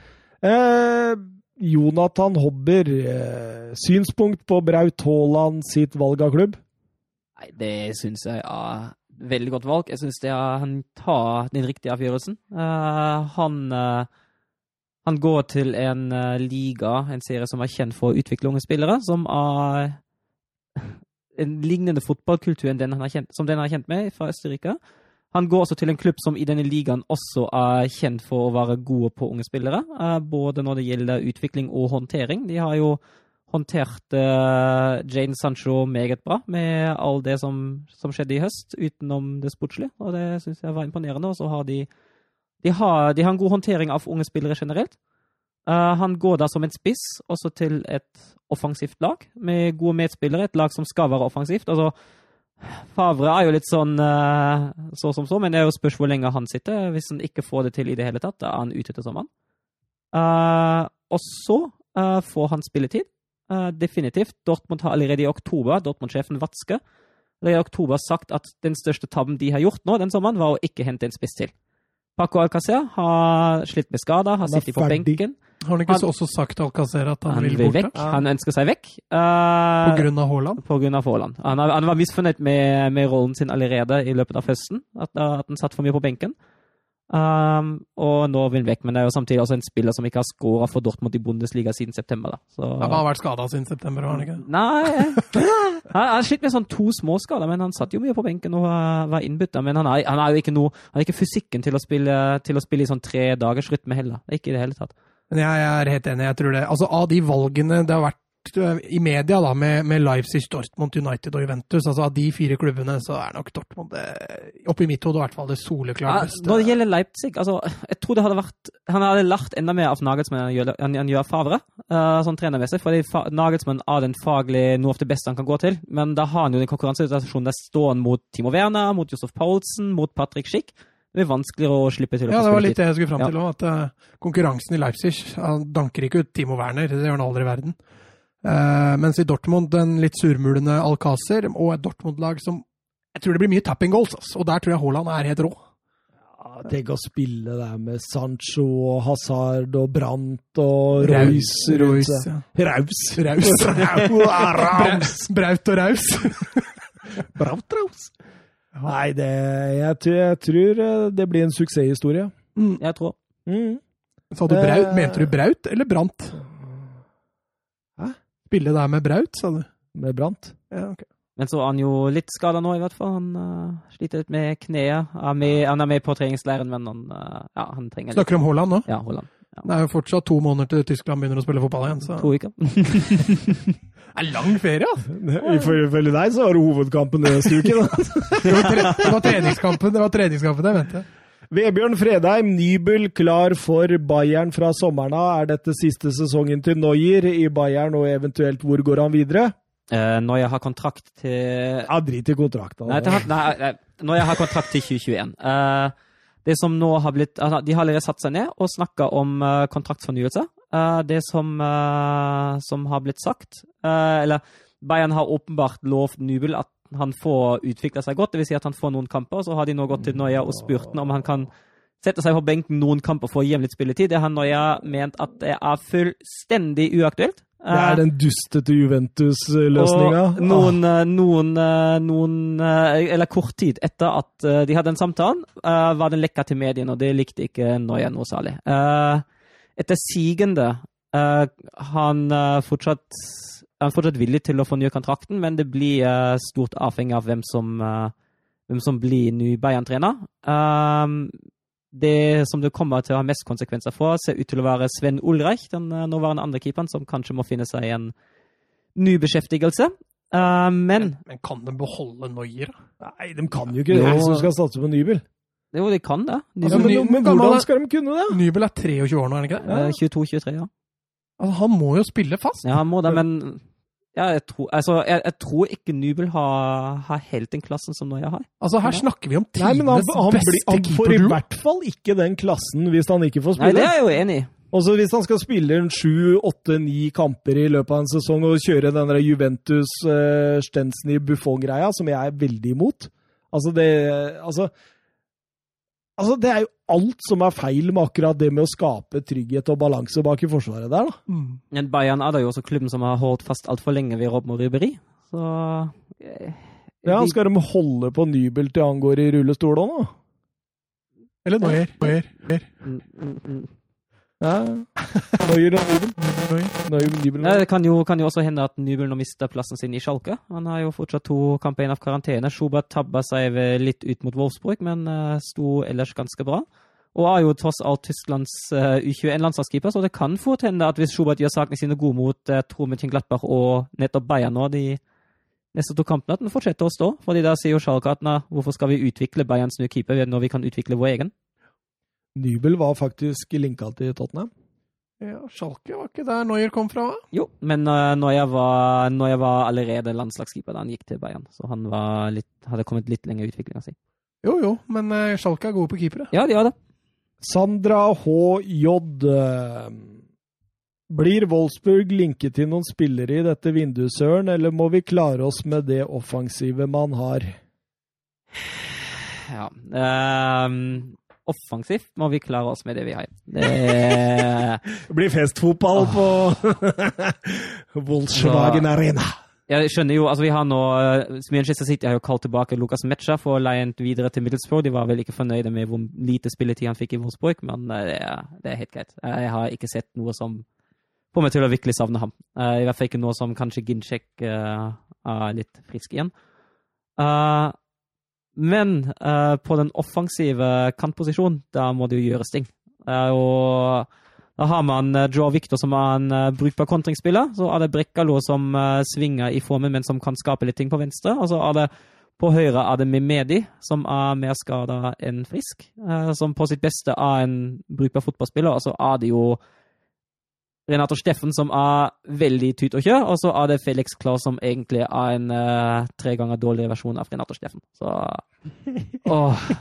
Så det, det Jeg skjønner Altså, Schmatke, uh, sportssjefen, han er prega av passivitet, særlig i vintervinduet, og det ser ikke ut til å komme noe som helst offensivt. Det som det siktes på, er åpenbart en ny midtstopper.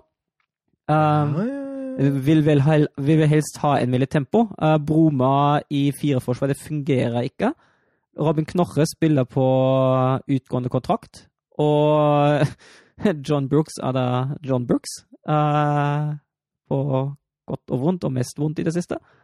Uh, så nå snuser man uh, på Jesus Vallejo, som har spilt hele to seriekamper for Wolverhampton, og på Marin Pongracic, som har spilt hele fem seriekamper for Red Bull Salzburg. Så Altså, det har, ser ikke sånn superlovende ut for dette overgangsvinduet. Ikke i det hele tatt. Ikke i det hele tatt, Sandra. Du kan ikke glede deg. Eh, Jeg hadde egentlig en liten uh, sak jeg, om uh, Wolverhampton. Gidder vi å høre den, eller? Ja. Har du lyst til å lære deg mer om Wolverhampton?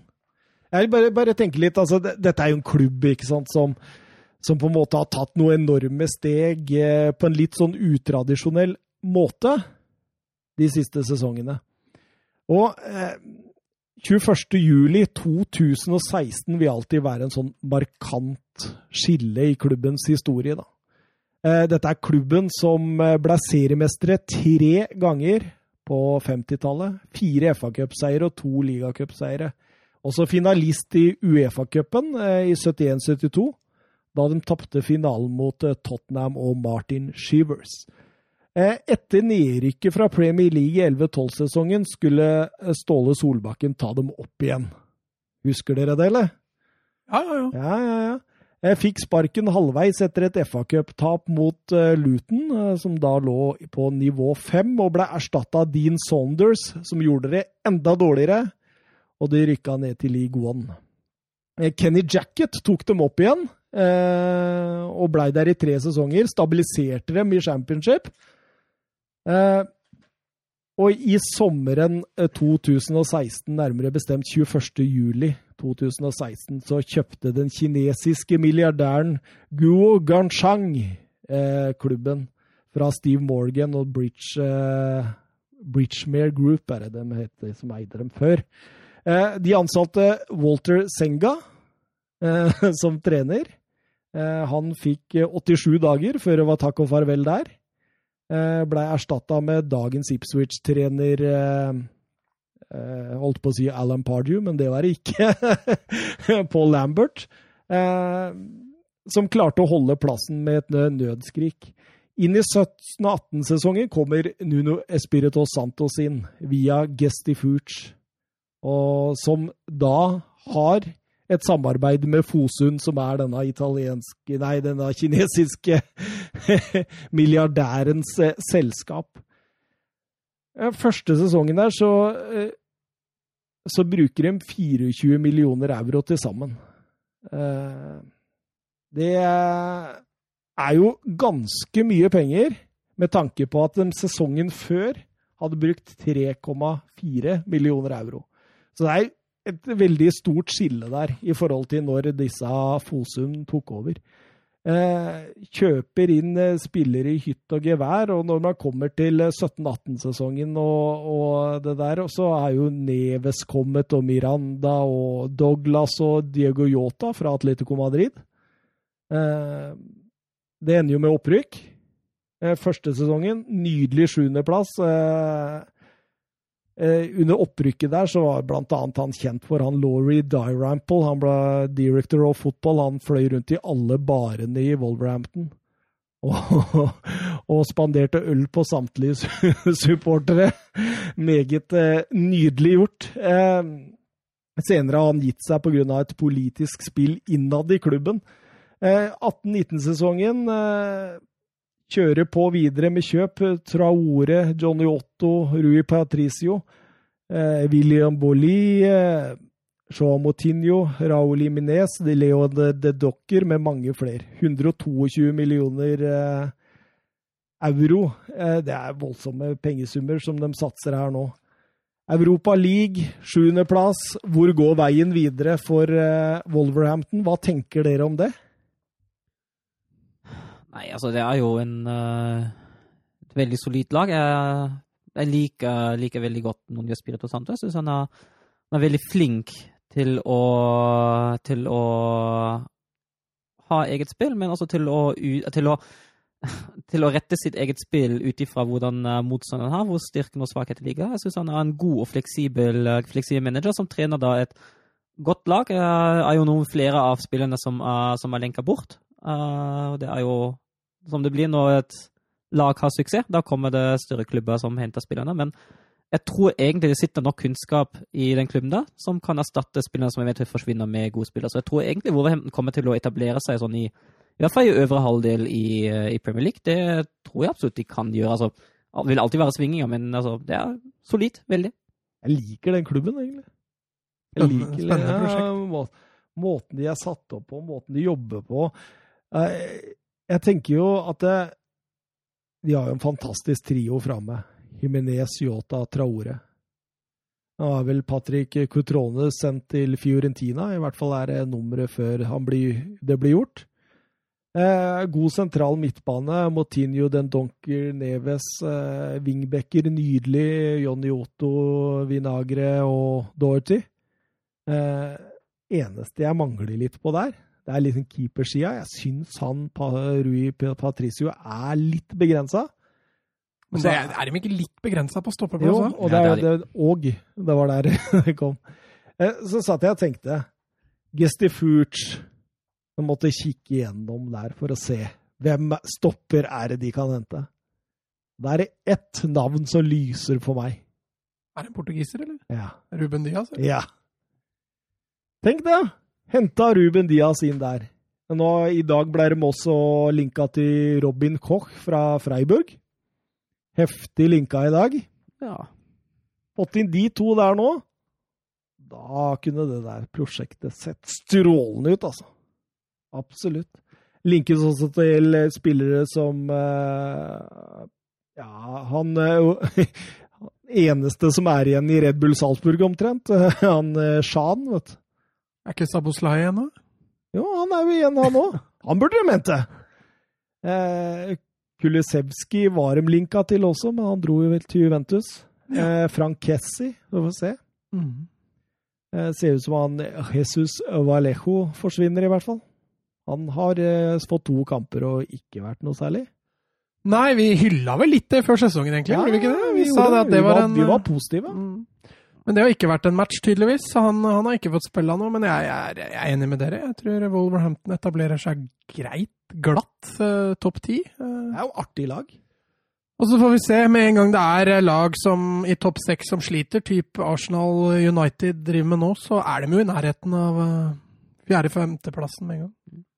Var så heldig å få se, fikk sett Wolverhampton i Belfast i sommer. Jeg fikk spilt en Europa League-kvalikkamp mot Crusaders FC. Det var en veldig artig opplevelse. Veldig, veldig bra trykk fra bortefansen. Så jeg har fått litt sympatier for den klubben der. Den kampen tror jeg du snakka om. Gjorde jeg? Ja, jeg mener, jeg husker så vidt du var inne på den. Eh, kan dere nevne de tre norske spillere som har spilt i Wolverhampton? da? Eh, Flo. Ja, imponerende. Eh, Håvard sådan. Ja, Ja. Eh, og jeg har, det, har den rett foran meg nå. Kan du, eller? Jeg har ikke sjans. uh, Iversen! Ja! Uh, og så er det, en- er det, det er en forsvarsspiller, er det ikke? Jo. Er det en venstrebekk? En høyrebekk. Høyrebekk. Er ikke Gunnar Halle, eller Jo. Er det Gunnar Halle? Den er, den er er imponerende. imponerende, altså. Ja, faktisk, faktisk. Skal vi ta ukas talent, eller? Ja. Eh, hvem vil begynne? jeg, jeg kan begynne, jeg, for da kan jeg liksom lene meg litt tilbake og, og nyte showet etterpå. Jeg sitter her sånn og er litt varm etter den lua her og sånn. Den er, den er jo helt nydelig. Mitt ukens talent heter Taylor Harwood Bellis. Manchester City. Manchester City. Skårte sitt første mål for Manchester City i FA Cup-kampen eh, denne helga. Så derfor eh, Jeg hadde den på lista mi, så når han gjorde det, så fant jeg ut Nei, nå! Nå må jeg Nå, nå må jeg smelle den ut. Eh, Er ikke Erik Garcia foran han i køen? Jo, han er vel det. Eh, Han er jo allerede på lista. ja, han er det. Så da blir jo kollegaen hans for U23 rett inn. Det er framtida stopper bare i City. Ja. Født eh, 30.01.2002, blir dermed 18 år seinere denne måneden. Født i Stockport, rett utafor Manchester. Eh, som er, altså Stockport er en del av The Greater Manchester, da, altså Stor-Manchester, som man liker å si. Klubb Manchester City og posisjon midtstopper. Eh, Bellis han kom til City som åtteåring og ble plukka opp gjennom eh, Stockport Metro Junior League-systemet. Det er det samme systemet som Phil Foden kom gjennom. Eh, til tross for at han har vært i City i over ti år nå, har han dype røtter til Stockport, hvor både hans far og hans onkel har administrative roller. Eh, Bestefaren til Harwood Bellies eh, var sesongkortholder på eh, ja, det som het Main Road, men også på Etihad Stadium. Og det siste ordene han sa til Taylor før han døde, vet du hva det var? Do it for City. I'm proud of you. Det er det siste ordet han sa til henne. Spilt eh, aldersbestemte for England, U15 eh, og oppover. Kommet nå til U19. Eh, var ekstremt god i sommerens preseason, og Pep Guardiola har sagt at dette er en av ungguttene han har vært mest imponert med. Og trener eh, daglig med A-laget, spiller fast for U23-laget. Eh, og har fått en del skader nå, både i Champions League eh, har han jo kommet innom eh, av skader. Så har han kommet inn bl.a. i Champions League-kampen mot Dynamo Zagreb, og har fått et par cupkamper eh, sånn eh, ellers. Eh, litt moro også, han har en tvillingsøster som heter Rebecca Harwood Bellis, som er på landslaget i basketball. Atletisk familie, altså. Ja, ja. En moderne type stopper. En stopper som eh, tar med seg ballen og beholder den istedenfor å klinke den ut. En stopper som eh, avanserer med ball. En stopper som kan spille gjennom ledd og spille av høyt press. Uh, I tillegg er han relativt godt fysisk. han er duellsterk. Og jeg kan egentlig minne litt om John Stones, faktisk, i spillestilen. Så det var litt artig at han spilte ved siden av han i eh, helgens FA-cupkamp mot Port Whale. Jeg, ja, jeg tror han har mye av det som skal til, i hvert fall hvis Guardiola fortsetter eh, som manager for Manchester City, for dette er en spillertype som, og en stoppertype som passer han. Det var ikke så mye stoppere på lista. Nei, det var derfor jeg tenkte det var så ålreit å bare smelle ut han nå når han skårte i helgen. Hvem er neste? Ja, jeg kan ta, jeg. Jeg fortsetter min lille runde i Skandinavia, jeg. Eh, et relativt stort talent. Det er nok ikke så stort at han kommer til å dominere toppen i verden, men eh, Martin Ødegaard, eller? Nei, vi snakker en, en, en Mohammed Darami. Har du hørt om ham? Ikke i det hele tatt. Har du det? Nope. Han er, eh, han er, dansk, spiller for FC København, har foreldre fra Sierra Leone. Eh, ble henta fra Vidovre i en alder av 15 år. Han eh, skårte sitt første offisielle mål for, for København når han var 16 år og 263 dager, i en cupkamp mot Viby. Har siden den gang fått, fått 19 kamper i dansk superliga, skåret ett mål. Eh, Darami er en type kantspiller, innoverkant. Eh, ganske fysisk robust, hurtig, sterk. Eh, har vært allerede vært linka til Leipzig. København skal ha takka nei til et, et bud på fem millioner euro. Mente at han var verdt mye mer enn det. Så kan hende at Darami får, får prøve seg i, i Bundesliga etter hvert er født 7.1.2002, eh, noe som gjør han da til 18 år. Han er 1,80 høy, og er også HCM Sports Managements eh, materiale. Eh, og har rukket også da faktisk å få Skal vi se om jeg finner igjen uh, Finner igjen den? Nei, da fant jeg ikke igjen den. Men jeg mener å huske at han hadde 19 U-landskamper for, for, Danmark. Så uh, et bra talent. Som jeg, som jeg, sa, jeg tror ikke han kanskje når helt opp til de øverste klassene, men eh, at han blir et av Skandinavias største navn i framtida, det, det, er jeg ganske sikker på. Artig! Søren? Ja, jeg har gått for Ryan Gravenberg. Han er født 16. mai 2002. Han er nederlandsk, en sentral midtbanespiller. Siboria er hjemmeklubben hans. Han ble med, men han ble med tidlig i ungdomsakademiet til Ajax i 2010 allerede. Uh, han fikk i juni 2018 fikk han Abdelhak Nori-trofeet, uh, som da gis uh, til det største talentet i Ajax-akademia. Og det tok ikke lang tid. Ca. tre måneder seinere, 23.9.2018, da fikk han sine første A-lagsminutter i Eredivisie for Ajax mot PSV. Han er den yngste Ajax-spilleren som noensinne har spilt for klubben i serien. 16 og 130 dager gammel. Han slo ingen ringere enn Clarence Sedovs rekord. Noen uker tidligere har han allerede fått U19-debutet for det nederlandske landslaget, og det gikk da rimelig fort. For 31. Jul, eh, 31. januar i 2017 hadde han fått U15-landslagsdebut, og så gikk han oppover til 16 i 17, og ett og et halvt år seinere cirka, var det U19 som sto for tur. Så det, han klatra veldig mye. Uh, Til sammen har han spilt fem kamper for Ajax, har skåra ett mål og én assist. Og han har denne sesongen fått først tre korte innhopp, og så fikk han rett før jul fikk han spilt, spilt, spilt 90 minutter mot ADO Den har, og da skåret han et mål og hadde også assisten sin. Så da han fikk tillit for, i 90 minutter, da leverte han. Uh, han er også fast spiller for Ajax U21-lag uh, på andre nivå, og da står han med 17 kamper, 6 mål og 4 assist denne sesongen. Uh, han har egentlig ingen signifikante svakheter. han har, fantastisk bra kontroll, god teknisk, veldig bra pasningsspill, god i driblinger. veldig atletisk, høy type. Han er 1,90 høy, og så har han gode avslutninger, også god til å, til å gå i boksen. Og han, uh, han kan spille defensiv midtbane nå, men han har klart best hvis han kan spille en, uh, en form for indreløper eller litt lenger, litt lenger fram i banen. og han sammenlignes allerede med Frenk de Jong og Paul Pogba, og jeg tror han kommer til å bli ganske god. Mm. Frenke de Jong og Paul Pogba, det er jo en viss forskjell. Ja, det er jo det. jeg, jeg, har sett han nemlig et par kamper, jeg, og jeg tenker mer Gigi Vinaldum, jeg. Ja. Litt sånn type, føler jeg. Altså, han er langt fra Frenkie de Jong, men du veit jo de sammenligningene vi leser om, da. De eh, kan man jo le skakk i hjel av. Les skakk. Det er helt sikkert noen som har sammenligna Fernando Llorente og Lionel Messi òg. Helt sikkert. Ja, helt skal nok fort se at altså, noen har sammenligna Mats Granvold og Lionel Messi, og det kan fort skje. Altså.